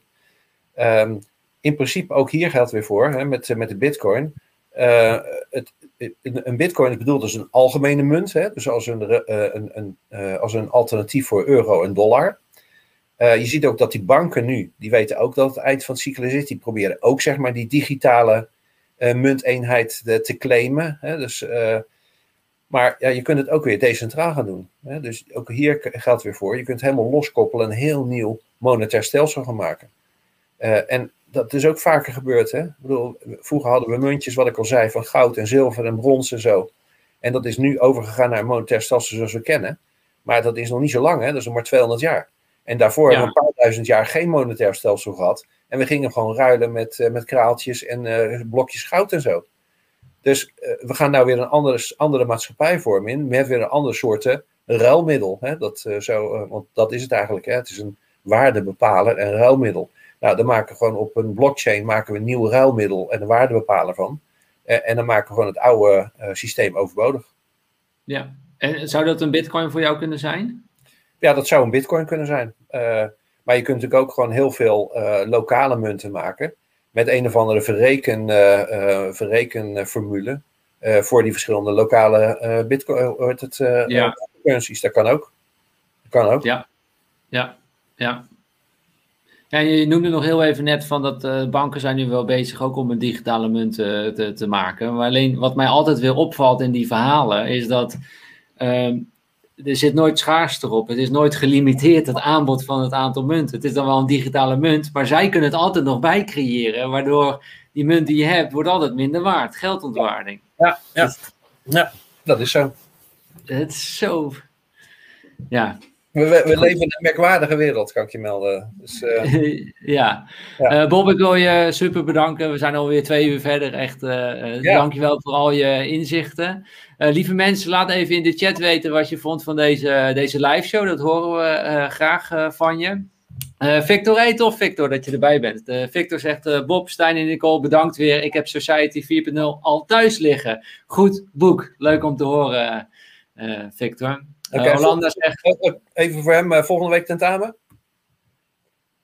Vraag voor jou Victor, volgende week tentamen? dat is een goede. Ik, ik, weet niet hoe het zit met de tentamen, maar... Of het was een, gewoon een grapje? Ja, nee, het was een grapje uiteraard. Nee, ook, ik dacht dat er echt een tentamen was. Nee, nee, nee, nee, nee, dat was gewoon een grapje. Het is serieus. Een goeie. Ik, uh, Victor, kom maar langs. Uh, uh, doen we een tentamen. Ik ben wel nieuwsgierig. Hollanda was echt heel interessant. En Bob, hey, mede Rotterdammer. Leuk om te, te horen. ik heb voor iedereen ook een, een, verzoekje. En dat is het volgende. Wat ik heel leuk zou vinden is als wij deze live show straks afsluiten uh, pas vanaf dat moment kan je een comment toevoegen onder de video op YouTube. Niet eerder. Dus nu doen jullie het in de chat. Je zou ons een onwijs groot plezier doen om die comment ook uh, onder deze video uh, te, te zetten en het duimpje omhoog te doen. Want dan komt deze video bij meer mensen terecht. En zo kunnen we ons meer verenigen. Dus als je ons daarin zou willen supporten, Bob en mij, dan zou dat echt uh, geweldig zijn. Dus uh, doe dat even na deze video. Even die comment ook nog even plaatsen onder deze uh, YouTube-video. Dat zouden we heel erg tof vinden. Um, daarnaast, Bob, ik wil je graag iets, iets aanbieden als vriend van de, van de show. En dat is het, het volgende. En ik wil je graag een uh, Follow Your Wind uh, t-shirt gaan, uh, gaan aanbieden. Cool. Even kijken, is, is het in beeld? Ja, het is in beeld. We hebben twee soorten t-shirts. Eentje is het sport t-shirt. Dat is met de quote Mission Possible. En het andere is het alledaagse t-shirt. En dat is met, met Follow Your Wind. Aan jou de eer welke je graag wil ontvangen. Ja, die eerste, dat, dat spreekt mij wel heel erg aan, ja. Mission Possible. Nou, dan gaan we die voor jou... Ja, ja, en je mag we... ik, ik zou het ook leuk vinden om naar mijn, naar mijn dochter te sturen. Die woont in Zwitserland nu. En die, oh, tof. Uh, die is heel sportief, dus... Uh, dus stuur, stuur, stuur ik eentje naar jou en eentje naar je dochter op. Oh, dat is helemaal superleuk. Nee, dat, uh, dat, dat, regelen we voor jullie. Helemaal top. dus die komt jullie kant op. en laten we nog even met z'n allen nog een Instagram momentje doen. We maken vaak ook even een, een foto maak even een foto en uh, deel die dan vervolgens op, uh, op Instagram. Zo kunnen we ook weer meer mensen bereiken. Dus uh, je kunt ons bereiken op apenstaartje Nicole Stijn. Um, jij zit niet op Instagram, toch Bob, of wel? Nee, nee, nee. Nee, nee. Dus fotootje, komt-ie? Maar mijn dochter wel. Ah, oké. Okay. Tof. Uh, maak een fotootje, deel, schrijf er wat bij en laten we ons uh, verenigen en de, deze video bij meer mensen bekendmaken. Dankjewel daarvoor. volgende week vrijdag om 12 uur uiteraard weer een nieuwe live show. Gaan we het hebben over blockchain en de blockchain technologie. En we gaan het hebben over asymmetrisch investeren in, in altcoins. Dus in de ja, die uh, ook gebaseerd zijn op de blockchain-technologie. Belooft ook weer een interessante uh, live show te, te worden. Ik heb een investeerder uitgenodigd die al sinds 1999 investeert in aandelen en ook in de, de cryptomarkt. Het, hij heet Mark Dame. Hij is ook 16 jaar ondernemer. Dus die komt volgende week langs. Dat is ook wel leuk. Hij kent ook persoonlijk iemand van de oprichters van het Ethereum-netwerk. Die kent hij ook uh, persoonlijk, appt hij regelmatig mee. Dus hij heeft veel uh, insight informatie ook voor, uh, voor ons. Dus daar gaan we het volgende week ook weer over hebben. Voor nu wil ik iedereen bedanken. En doe alsjeblieft nog even een video plaatsen als wij onder de video, als wij deze video afsluiten. Emmy die zegt nog super interessant, weer veel geleerd. Ron zegt ook erg interessant en waardevol. Bedankt Bob, Stijn en Nicole. Tof dat je er was. Nou, super mooie live show. Buitengewone inzichten dat vind ik wel een hele mooie om uh, mee, mee, af te sluiten. Bob, ik wil je echt uh, super bedanken voor de tijd die je voor ons hebt gemaakt. En de, de, ja, de hoop, de positiviteit die je ons hebt gegeven. Ik, ik voel het echt bij mezelf ook van. We kunnen hier echt samen iets heel moois van maken. Als we wakker worden en dan gaan opstaan. Dus um, ik zou aan je denken als wij in die maatschappij zitten. Dan, uh, dan bedank ik je nog een keer daarvoor. Dus dankjewel Bob. Graag gedaan. Het was heel erg leuk om te doen. Graag. Iedereen uh, super bedankt om te horen. En inderdaad, zoals Mohamed zegt, geef nog even een likeje onder deze video. Ciao, ciao. Blijf nog even hangen, Bob. Ja.